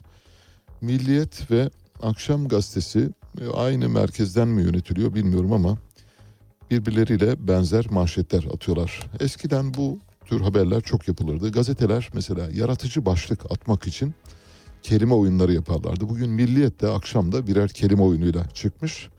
Mesela Milliyet'in manşeti şöyle. Kafayı taktık. Kafayı taktık bölümünün K'sı siyahla dizilmiş. Fayı bölümü de yani kafayı, fayı bölümü de gri ile dizilmiş. Dolayısıyla orada fay hattını anlatıyor. Biz bunu böyle vallahi gazeteciye ilk başladığımızda yapardık. Yani hani böyle daha çok yeni yetme gazeteciyken gazetelerin mutfaklarında yeni çalışmaya başladığımızda böyle hoşumuza giderdi abi kafiyeli bir şeyler bulalım böyle can canlı olsun. Şimdi milliyetteki bu gazetecilik yani saçma bence. Yani bunlar çoktan terk edildi. Bu bulvar basınının başvurduğu bir e, manşet bulma tekniğiydi. İşte eski Tan gazetesi, eski Nazlı Ilıcan Bulvar gazetesi gibi gazeteler bunları yapıyordu. Şimdi Milliyet gazetesi mesela buradan kendine yol bulmaya çalışıyor. Bu şundan oluyor. Bendeniz Doğan grubunda, Aydın Doğan'ın gazetelerinde ve televizyonlarında da çalışmış bir gazeteciyim.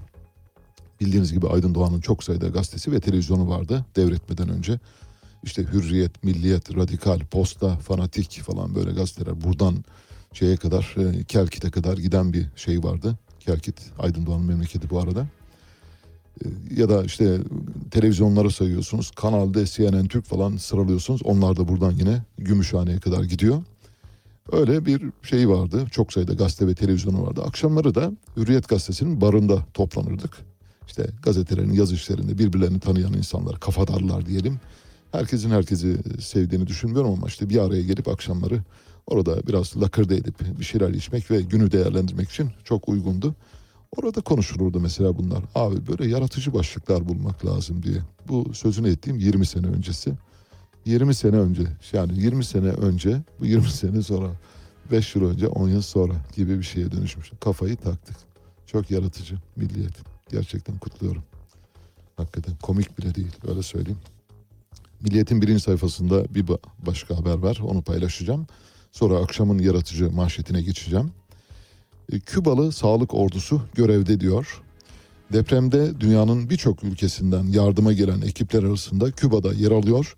Pakistan, Peru ve Haiti'deki felaketlerde görev almış uzman isimlerin yer aldığı 32 kişilik Küba sağlık ekibinin bir bölümü Kahramanmaraş'ta Türk meslektaşlarıyla birlikte canla başla çalışıyor. Ekibe sahada bizzat Küba Büyükelçisi Palacios eşlik ediyor. E, zaten süreç Osman Kavala'nın tutukluluğunun sürdürülmesi üzerine kurulmuş. Aynen. Bu tutukluluk devam etmesi için hukuka karşı verilen bir mücadele haline girmiş durumda.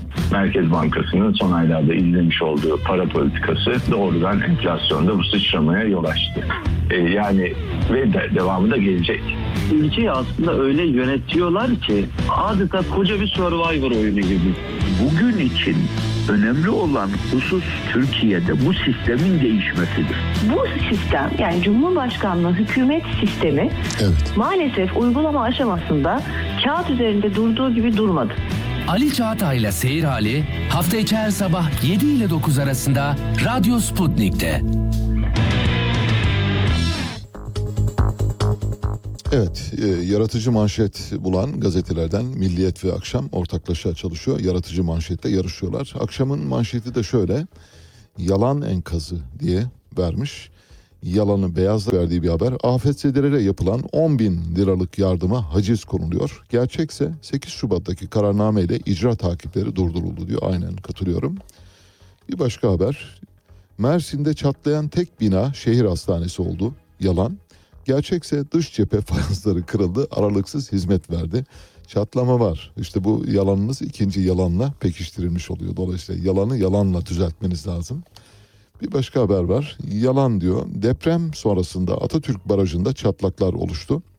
Gerçek Malatya Sultan Suyu dışında hiçbirinde sorun yoktu. Malatya Sultan Suyu barajı dedikleri baraj da hani böyle bir bir çeşme değil yani. Hani bir çeşmeden akan suyla dolan. Malatya'nın büyük barajlarından biri. E canım olabilir yani. Küçük bir barajda küçük bir sorunumuz var. We have a problem Houston diyor ya. Oradan telsiz irtibatı kesilince orada da bir problem var. Yalan haber şöyle. Savcı yok diye cenazeler toprağa bile verilemiyor. Olayın gerçeği ise 304 ek savcı gönderildi enkazda. 7 bölü 24 esasıyla çalışıldı bilmiyorum. Yani içeriğine vakıf olmadığım için yalan ya da gerçek diyemiyorum maalesef. Bir başka haber Suriye sınırındaki duvarlar yıkıldı. Yurda çeteler giriyor. Gerçekse şöyle 837 kilometrelik duvarda hasar yok bir zafiyet yaşanmadı. Sizin duvarınız var ya o duvarınız o 837 kilometre ördüğünüz duvar böyle hop diye bu taraftan atlıyorsunuz öbür tarafa düşüyorsunuz. Sırıkla atlayan herhangi birisi o duvarı çok rahatlıkla atlayabiliyor onu geçin bu yalanın kuyruklusu. Bir başka haber yine akşamın yalan diye nitelediği enkaza dozer girdi. İspanyollar bu yüzden ülkeyi terk etti. Gerçek şu diyor akşam. Röportaj 7 gün, 7. gün yapıldı. 10. gün bile kurtarma sürdü diyor. İspanyol ekibi buradaydı. Doğru, evet. Bir başka yalan haberi işaret ediyor. Adıyaman İsyas otel soruşturmasında gizlilik kararı. Gerçek şu diyor. Otel sahibi ve yöneticisi tutuklandı. Gizlilik kararı yok. Bilmiyorum gizlilik kararı diye bir haber çıkmıştı ama gizlilik kararı olmadığını iddia ediyor. Akşam akşama güvenmek durumundayız. Evet Karar Gazetesi'yle devam edeceğiz. Kararın birinci sayfasında asrın afeti, asrın ihmali diye iki parçaya bölmüş. Asrın afetinde işte 500 kişi hayatını kaybetti. Türkiye'deki depremin 10 katı olan bir depremden bahsediyor. Kuzey Amerika'daki, Sam, e, Şili'deki depremlerden bahsediyor. Türkiye'de ise daha küçük bir depremde çok sayıda insanın ölmesinden bahsediyor. Kararın birinci sayfasında 17 gün geçti ama hala çadır yok diye bir haber var. Şöyle Kılıçdaroğlu afet bölgesinde büyük eksiklikler var. Çadır ihtiyacı karşılanmadı. Hatay'da süratle yapılaşma doğru değil. Kentin dokusunu, kültürünü, kadim yapısını gözetecek bir süreci başlatmak gerekiyor. Yerel yönetimler olmasaydı tablo çok daha vahim olurdu. Bu yüzden hiçbir ayrım yapmaksızın bütün belediye başkanlarına yürekten teşebiliyor. Şanlıurfa Karaköprü AKP ilçe başkanlığı yöneticisi Sertaç Kaya'nın hasarsız villasının bahçesindeki AFAD çadırı kuruldu. Arkasından tepkiler gelince kaldırıldı diye Sertaç Kaya'yı bir kenara yazın lütfen. Evet yani bu kadar insanın yokluk çektiği bir ortamda duvarında çizik bile olmayan malikanesinde saray yavrusu malikanesinin yanına çadır kurduracak kadar kendi canına düşmüş bir insandan bahsediyoruz. Yani evet söyleyecek başka bir şey bulamıyorum. Peki. Şimdi evet gazeteleri bitirdik. Şimdi birkaç haberle devam edeceğiz. Umarım vaktimiz yetişir. Size Yaşar Okuyan dosyasını sunabilirim. Sunamazsam da kusura bakmayın. Vaadimiz vaat yerinde duruyor. Hem bunu paylaşacağım. Hem size bir Piri Reis dosyası hazırlamıştım. Hafta başında onu sunacağım. Bir de gökyüzünde kırmızı bulutlar neden gözükür diye böyle hani e, hafif e, meteorolog gözüyle biraz e, şamanistik bakış açısıyla baktığımızda o bulutların ne anlama geldiğini ifade edecek bir dosya pay- paylaşımı da yapacağım. Bir e, Meral Akşener kaynaklı bir haber dün ajanslara düştü. Meral Akşener güya e, Cumhuriyet Halk Partisi Lütfi Savaş'ı istifaya davet etmelidir diye bu haber düştü. Tabii ortalık karıştı. Demek ki CHP'de ya da Millet İttifakı'nda yeni bir, bir masa krizi başladı diye herkes ellerini ovuştururken haberin doğrusu şöyle geldi. Bu haberi veren kaynak pardon dedi. Meğer Lütfi Savaş'ı istifaya davet cümlesi Meral Akşener'e ait değil, Meral Akşener'le konuşan Fatih Altaylı'ya aitmiş. Yani Fatih Altaylı soru sorarken Meral Akşener'e şöyle demiş. Şimdi olayı özetlemeye çalışıyorum. Çünkü işin içinden çıkılmaz hale getiriyorlar maalesef. Meral Akşener'le Fatih Altaylı röportaj yapıyor. Fatih Altaylı soruyor Meral Akşener'e. Diyor ki Cumhuriyet Halk Partisi Hatay Büyükşehir Belediye Başkanı Lütfi Savaş istifa etmeli midir, istifaya davet edilmeli midir diye soruyor. Bizim güzel medyamız bunu Meral Akşener Lütfi Savaş'ı istifaya davet etmelidir ortağımız CHP dedi diye verdiler. Sonra da pardon dediler. Meğer bu laf Meral Akşener'e ait değil Fatih Altaylı'ya aitmiş. Eğer öyle olsaydı dün bildiğiniz gibi Yaşar Okuyan'ın CHP ile ilişkinin kesilmesinden sonra hani bir sizden bir bizden durumuna gelecekti. Bir sizden bir bizdene doğru gidiyor. Ama bir sizden bir bizdeni sürdürebileceğimiz bir malzeme var onu söyleyeyim. İyi Parti'nin genel başkan yardımcısı Ümit Özdağ'le. Ümit Özdağ'le bir süre önce Kemal Kılıçdaroğlu Yaşar Okuyan'la görüşünce dedi ki eleştirdiğiniz iktidardan biraz farkınız olsun diye Kemal Kılıçdaroğlu ve CHP'yi eleştirdi. Fakat ertesi gün Kemal Kılıçdaroğlu Yaşar Okuyan'ın ipini kesince Ümit Özdağ'le şöyle bir paylaşımda bulundu. Dedi ki biz iktidarı neden eleştiriyoruz? İstifa etmesi gerekenleri terfi ettirdiği için, hesap sorması gerekenlerin sırtını sıvazladığı için, yalan üreten medyaya, iftira atanlara sahip çıktığı için eleştirdiğiniz iktidardan biraz farkınız olsun dedi. 15 saat önce bunu yayımladı. 15 saat sonra Yaşar Okuyan'ın CHP ile ilişiği kesilince Ümit Özdağ'le şöyle dedi. Az önce müfterinin CHP ile ilişiği kesilmiş olması gereken olmuş. Ben size söylüyorum. Şimdi Ümit Özdağ'le hatta gidiyor göreceksiniz. Bu böyle ufak bir kriz değil. Ümit Özdağ ile de yollarını ayırır. Benim tanıdığım Meral Akşener kesinlikle bu olayı bu şekilde sonlandıracaktır. Çünkü koalisyonun ya da ittifakın varlığı bu tür değerler üzerinden yürüyor. Bakın Yaşar Okuyan bu lafı söylediği için yani ben Meral Akşener'le ilgili bir dosyayı aldım ve Kemal Kılıçdaroğlu'na verdim dediği için şak ipini kestiler. Şimdi Ümit Özdağ'le öyle dedim ama bakın işte böyle oldu falan diye düzeltmeye çalışıyor. Bu gider. Bu kan davası sonsuza kadar gider. 3-4 dakika sonra bir telefonumuz olacak. O aradan yararlanarak size küçük bir hikaye anlatayım. Temelle Dursun kahvaltı yapıyorlarmış. Tabii kahvaltıda bol böyle bal, pekmez falan filan olunca sinekler üşüşüyor ama böyle koca koca eşek sinekleri üşüşüyor. Temel tabii yemekten kesiliyor, yiyemiyor. Sineklerle uğraşıyor, sürekli kovuyor sinekleri işte tabağa konuyor, onu kovuyor, başına konuyor, onu konuyor, kaşına konuyor, onu kovuyor. En sonunda baş edemiyor. Çok sinirleniyor Temel. Bakıyor ki sineklerden biri Dursun'un alnına konuyor. Tabancayı çekiyor, şak diye vuruyor. Diyorlar ki ne yaptın sen Dursun'u vurdun. Diyor ki ha bir bizden bir onlardan. Şimdi bu iş bir bizden bir onlardana doğru gitmiş vaziyette.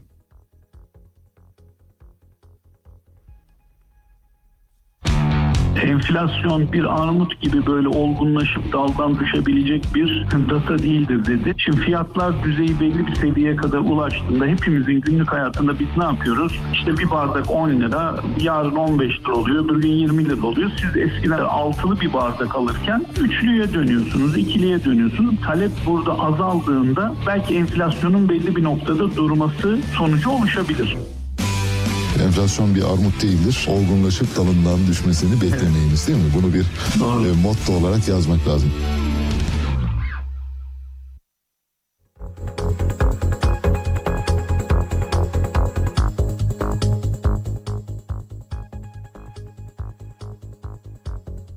Evet, yeniden birlikteyiz. Dolayısıyla bir sizden bir bizden hikayesini unutmayın lütfen. Ee, koalisyon ya da Millet İttifakı bu tür moral değerler üzerinden gidiyor. İki lider birbirine laf söyletmiyor ve mümkün olduğu kadar masanın ayaklarını sıkı tutmaya çalışıyorlar. Sadece ikisi değil, altı lider de buna hassasiyet gösteriyor.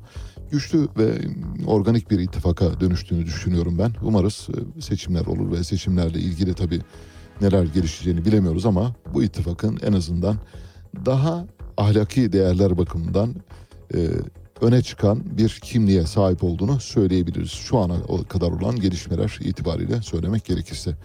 Şimdi deprem bölgesine gideceğiz. Yayının başında e, anons etmiştik.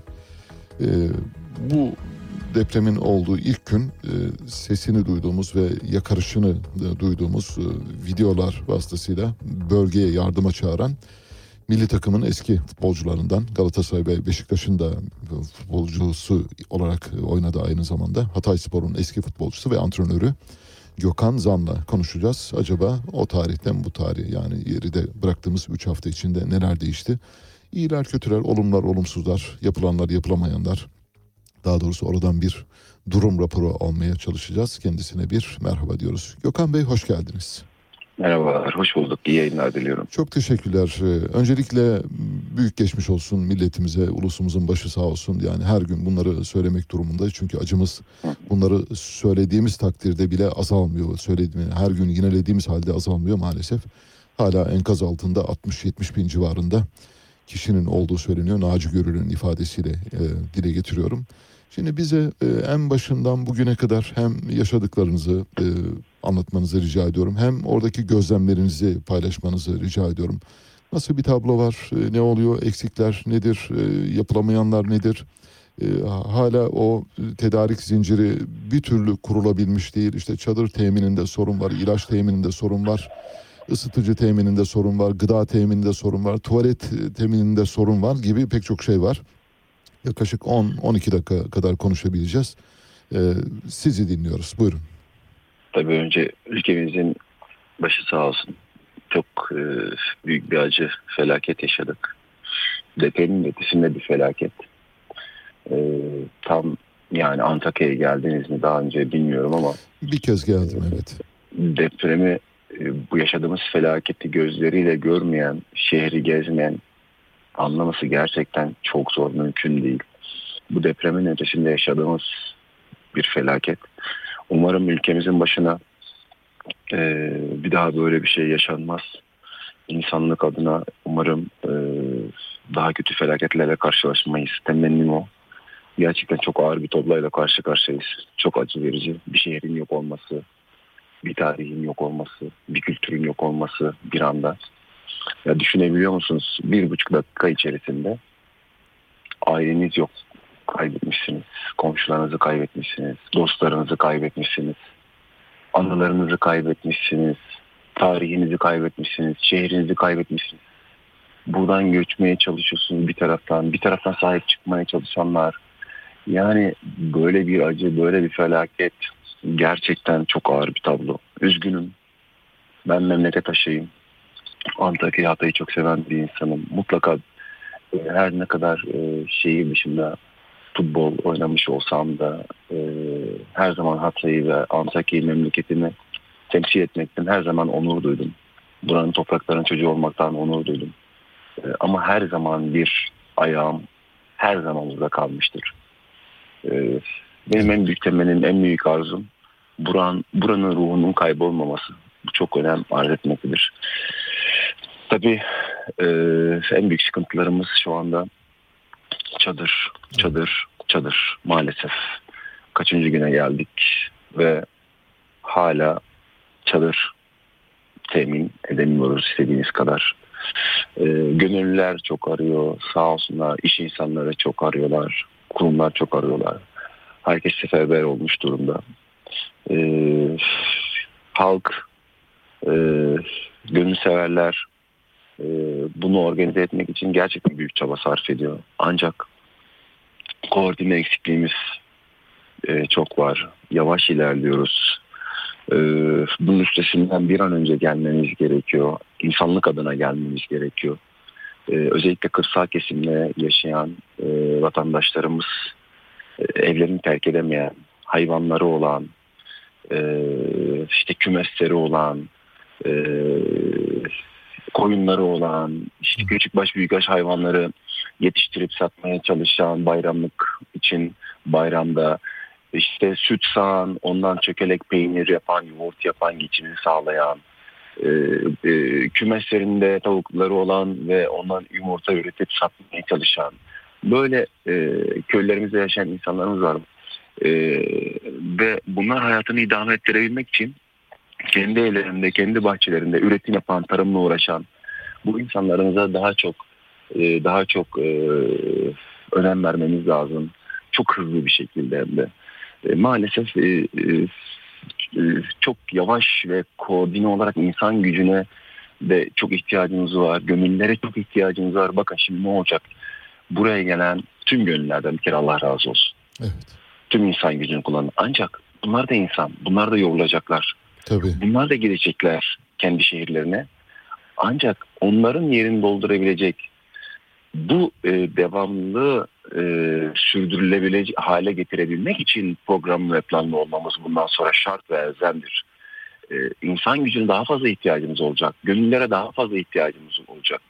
Onun için benim ricam devlet büyüklerimden, e, sivil toplum kuruluşlarından, e, işte derneklerden, e, futbol kulüpleri, camilerimizin taraftarlarından, e, Galatasaray, Beşiktaş, Fenerbahçe gibi olan e, e, taraftarlar gruplarından ricamız e, ben bir Antakya olarak burada gördüklerimiz sahada insan gücüne ve gönüllere ihtiyacımız olacak peyderpey programlı ve planlı bir şekilde. Çünkü bu bir günlük olay değil, iki haftalık, bir aylık, iki aylık değil. Belki bu birkaç yıl sürecek. Bunu sürdürebilir olması çok elzemdir. Yoksa bir insanlar tek başlarına kalacak. Bunlar ulaştı, ulaşım zaten yavaş, daha da yavaşlayacak. Ee, yarın iki hafta sonra, üç hafta sonra gıda bittiği zaman bunu nasıl yapacağız? Nasıl programlayacağız? Bunlar üzerinde biraz konuşmak lazım. Yardımı sadece anlık değil, sürdürülebilir olmasını yapmak lazım. Gelen yap- yardımların program dahilinde düzenli olması lazım. Ee, bunlar çok kıymetli, çok önemli. Ee, bir önce belediyelerimizin e, sağ olsun herkes canla başla mücadele ediyor. Türkiye'nin dört bir tarafından gelen valilerimiz, belediye başkanları, milletvekilleri, herkes. Ee, ama şunu da iyi bilmek lazım. Bakın bu insanlar, bu insanlar dilenci değil. Bu insanların onuru var, bu insanların gururu var. Ee, bu insanlara dağıtım yaparken bile e, atarak değil, planlayarak, İnsani duygulara dokunarak. Çünkü onlar zaten büyük travma yaşamış, büyük acı yaşamış. E, bu şekilde davranmamak lazım. Erzak dağıtırken, bir şey dağıtırken. Onların zaten içi yanmış, zaten ağır travmalar yaşamışlar. Bir insani duygular dışında hareket edersek daha da ağır bir travma yaşarlar ve o duygularını kaybederler. Onların daha fazla sevgiye ihtiyacı var. E, insani gibi davranmaya ihtiyaç var. Bazı durumlarda maalesef eksiklik görebiliyoruz. Bunları çok kıymetli, çok elzemdir. Herkes ricam ne olur bu konuda hasta, biraz daha hassas davranalım. Ee, tabii sağlık konusu, bakın Evet. en önemli şey, çok önemli. Ya Allah korusun, yarın bir salgının başlayabileceğini düşünebiliyor musunuz? Benim burada Sağlık Bakanlığı'ndan ricam, lütfen rica ediyorum bu kadar molozun, bu kadar enkazın, bu kadar insanın olduğu, bu kadar cesedin günlerce kaldığı, koktuğu e, e, bir yerde, e, bu kadar çöplerin olduğu bir yerde e, bu kadar gıdanın yerlere atıldığı bir yerde ay, Allah korusun yani e, çok korkuyorum, çok endişe ediyorum. E, e, hastalıklardan endişe ediyorum. Daha fazla konuşamıyorum ama e, bir an önce köylere, kırsal kesimlere, yaşlar ve çocuklar için sağlık hizmetleri ihtiyacı olduğunda gezici ekip olması çok önemli. Ee, gezici sosyal marketlerin kurulması çok önemli. Bakın maske, maske, maske. Evet. Pandemi dönemi gibi gerçekten çok elzem ve zorunluluk hale getirilmesi lazım. Ee, Allah korusun bakın bir salgın çocuklarımızı, yaşlarımızı kaybedebiliriz. Daha fazla lütfen can vermemek için sağlık konusunda Sağlık Bakanlığı'ndan ricam. Ee, mutlaka saat tespitleri ve çalışmaları yapıyorlardır. Ancak bu kadar tozun, dumanın, kokuların, çöplerin olduğu bir ortamda zaten sağlıksız bir ortamda yaşayan bu insanlara bir an önce çözüm üretilmesi gerektiğini düşünüyorum. Ee, umarım e, ama bu arada e, sosyal market Evet. gezici sosyal market bunların kurulması lazım. Bir an önce bölgelere e, e, bir bir proje üretmek lazım. Bölgelere, mahallelere ailelerin ihtiyacı olduğu kadar işte bir kredi gibi, bir kart gibi mesela bir yükleme yapılabilir. İçinde ne harcadığını görebilir, limitini görebilir. Bir proje üretebilmeliyiz, yapabilmeliyiz. Çünkü bu insanlar sağdan soldan binerek işte ne zaman bir kamyon gelecek ya da ne zaman bir erzak gelecek ya da bunu e, belediye başkanları tek başına altından kalkamayabilir. Muhtarlar bunun altından kalkamayabilir. E, bu kadar e, coğrafyanın e, yüz ölçümünün geniş olduğu topraklarda e, bunu tedarik edebilmek için de insan gücüne ihtiyaç var çok fazla. Koordinasyona çok fazla ihtiyaç var. E, çocuklarımız için e, bölge rehabilitasyon merkezlerin kurulması şart. Farklı farklı rehabilitasyon sistemi. İşte ne bileyim e, her iki ayda bir e, bir projeyle gelinmesi, e, her derneğin, farklı farklı derneklerin e, farklı projelerle gelmesi, bu projelerin işte çocuklar için e, çok daha fazla e, çocuklara hitap eden projelerin olması, onların psikolojisi açısından da geleceği açısından çok önemli. E, onların yeşil, çünkü şu anda doğadalar, köydeler. Onların yeşille ve doğayla e, birlikte bir şeyler öğretilebilir. E, bakın bu, bu insanların ev dışında değil sadece toprak travmaları da var bu çocukların, bu insanların. Tabii. Toprakta bile dışarıda bile korkuyorlar, ürküyorlar sallandıkları zaman. Sadece evin içerisinde değil. Düşünebiliyor musunuz? En güvenli yerimiz evimiz. Evimizin en güvenli yeri uyuduğumuz yatak odamız. Uyuduğumuz kendi yatağımız.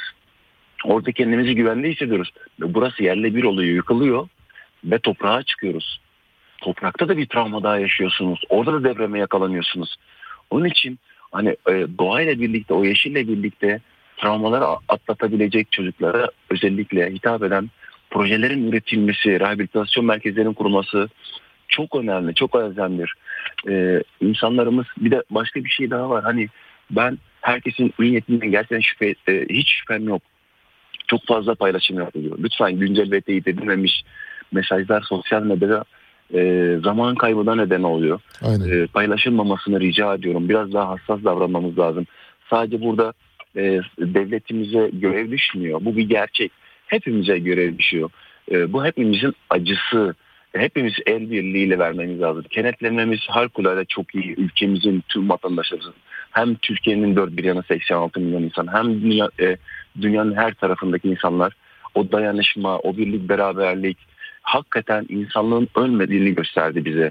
E, demek ki bizim ülkemizin başına Allah korusun e, bir şey geldiği zaman bu insanlar kenetlenebiliyor. E, dayanışma halinde olabiliyor. Bu çok kıymetli. Ben tüm vatandaşlarımıza ülkemin, dünyanın dört bir yanında bu şekilde duyarlı davranan herkesten Allah razı olsun. Tüm yardımseverlerden, e, kalbi bizimle atan, acısını bizimle paylaşan, e, belki şehir dışındalar ama buraya gelemeyen, e, yanım o aynı acıyı paylaşan, kim varsa yardım eden, küçüğünden büyüğüne kadar hepsine Allah razı olsun. Büyükler, yani büyüklerinden, ellerinden öpüyorum. Dualarını esirgemesinler. Küçük çocuklarımızın gözlerinden öpüyorum. Onlar bile küçük paketler elleriyle hazırlamışlar. E, bu dayanışma bizler için hakikaten çok e, kıymetli. E, e, şunlara da değinmek isterim açıkçası. Bundan sonra Hatay, bundan Evet. sonra Antakya'nın bu kültürü ne olacak? Evet. E, nasıl inşa edebiliriz? E, sadece e, e, devlet büyüklerimizin e, iktidar, iktidardaki e, e, yönetimdeki insanların sadece değil, büyüklerimizin değil. Aynı zamanda şehrin tarihi dokusunu bilen kişilerle, Tabii. akademisyenlerle, bilim adamı adamlarıyla, e, Hatay halkının yerel yönetimleriyle, Hatay halkının iş insanlarıyla, şehrin önemli, e, ülkenin önemli iş insanlarıyla ve iktidarın ortak kararlarıyla birlikte hareket edilmesi çok önem arz etmektedir. Ben böyle düşünüyorum biraz.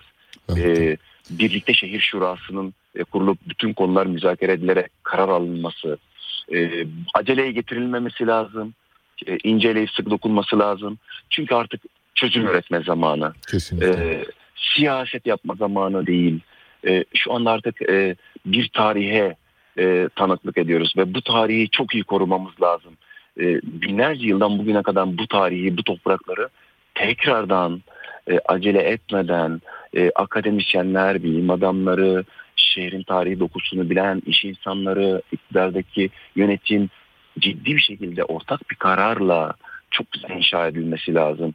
Güzel projeler üretilebilir. Şehrin yapılanmasında tarihi dokuların korunması, doğru imar ve mimari yapılarla doğru planlamaların yapılması, e, şehrin güvenli yerde kurulması, e, insanları ve şehri kalkındıracak tekrardan doğru projelerin üretilmesi çok elzemdir, çok önem arz etmektedir. Bunları unutmamamız lazım. Ben devlet büyüklerimizden, iktidardaki yönetimlerimizden, e, e, siyasi parti genel başkanlarımızdan, e, ül- ülkemizin çok değerli iş insanlarından, STK'lardan herkesten lütfen bunları altını çizerek dikkat etmemiz gerekiyor. E, bakın Antakya'da gerçekleşen bu yıkım Evet. tekrardan ihya edilebilir. Bakın bu mümkün. Ben buna inanıyorum. E, fakat şunu da unutmayalım. Kültürler zenginliğini, bu, insanlar, bütün inançların bir arada yaş- yaşama alışkanlığı var. E, bu insanlar buradan gidemezler. Bu kültürlü zenginlikte ve inançların bir arada yaşadığı bu toplulukta e, deprem bölgesi olmasına rağmen tarih boyunca öyle olmuştur. Hep birlikte yaşamıştır. Bizim kültürel zenginliğimiz var. Tabii. İnançlarımız var, farklı medeniyetimiz var ve birlikte yaşamışız yıllarca. Yaşadığımız belki o tarihlerde bugünlere kadar yaşadığımız depremler, afetler dahi olsa hiçbir zaman ayrılmamışızdır. Her zaman birlikteyizdir. Bu çok kıymetli. Ee, yani bu güzelim şehri Evet. merkezde olan Evet. sadece önemli inanç eserleri ve tarihi değer olan yapılar rehabilite ettikten sonra geri kalmış, yıkılmış binalar özellikle şehir merkezinde kapsayacak güzel. Bakın çok önemli. Ee, bunların bir sürü örneği var. Mesela uluslararası literatürde daha önce ben bahsetmiştim. Deprem Müzesi. Evet. Deprem Müzesi bu e, çok önemli. E, bunun gündeme taşınması lazım. Hem ülkemize hem dünyaya büyük bir eser bırakabiliriz. Tabii. Bunu Aynen. iyi düşünsünler. Bunun örneği var. İtalya'da var Pompei, Japonya'da var Hiroşima. Ee, onun için bu deprem be- e, müzesini e, lütfen herkes iyi düşünsün. inşa etmeniz diyorsun. Ee, Peki. evet. Bakın eski demografik yapımız konulması konusunda çok hassas olunması lazım. Hem de çok. Antakya'da büyük ölçüde Suriye göçmeni var. Bu göçmenlerin tamamı bu yeni yapılacak yerleşim kapsamına eğer alınırsa eski demografik yapının bozulmasına sebebiyet verecek. Bu anlamda lütfen herkes tüm büyüklerinden Duyarlı sağduyu olmasını rica ediyorum. Çok teşekkürler Gökhan Bey. Çok güzel anlattınız. Gerçekten e, sizi yani Hatay'ın sözcüsü gibi e, düşünüyorum ben. E, bugüne kadar belki de depremin başından bu yana çıkıp e, e, Hatay'la ilgili e, en iyi tarifi, en iyi durum raporunu anlatan e, kişi sizsiniz. Çok teşekkürler size. Kolaylıklar diliyorum. Estağfurullah. Siz Ben birilerini kırdıysam, sürçüliysem, Ne demek. vatandaşlarımızdan, herkesten e, aflarına sığınıyorum. Ne demek? Yardım eden herkesten de Allah razı olsun. Sesimiz olduğunuz için çok teşekkür ediyorum. Çok teşekkür 86 milyon insanımızda ne olur? Hatay'ı kendi kaderine terk etmesin, yanımızda olsunlar. Çok teşekkür ediyorum. Saygılarımla. Çok teşekkürler. Ee, Gökhan Zan'la konuştuk. Ee, Milli takımın eski oyuncusu, Galatasaray ve Beşiktaş'ın da eski oyuncusu, Hatay Spor'un eski futbolcusu ve antrenörü. Durumu çok iyi özetledi bu arada. Bir solukta neredeyse e, kentin yeniden imar edilmesi süreci de dahil olmak üzere hatta kentin bundan sonraki kuşaklara taşınmasıyla ilgili süreci de e, iyi formüle etti. E, kendisiyle bundan sonra zaman zaman bağlantılar kuracağız. Evet bitirdik. Bugünün de sonuna geldik. Bu programı kumanda masasında Ege Akgün, editör masasında Harun Erozbağ'la birlikte gerçekleştiriyoruz. Şu anda dinlemekte olduğunuz Sandro Bernardo'yla size veda ediyoruz. Amate. Vendrá.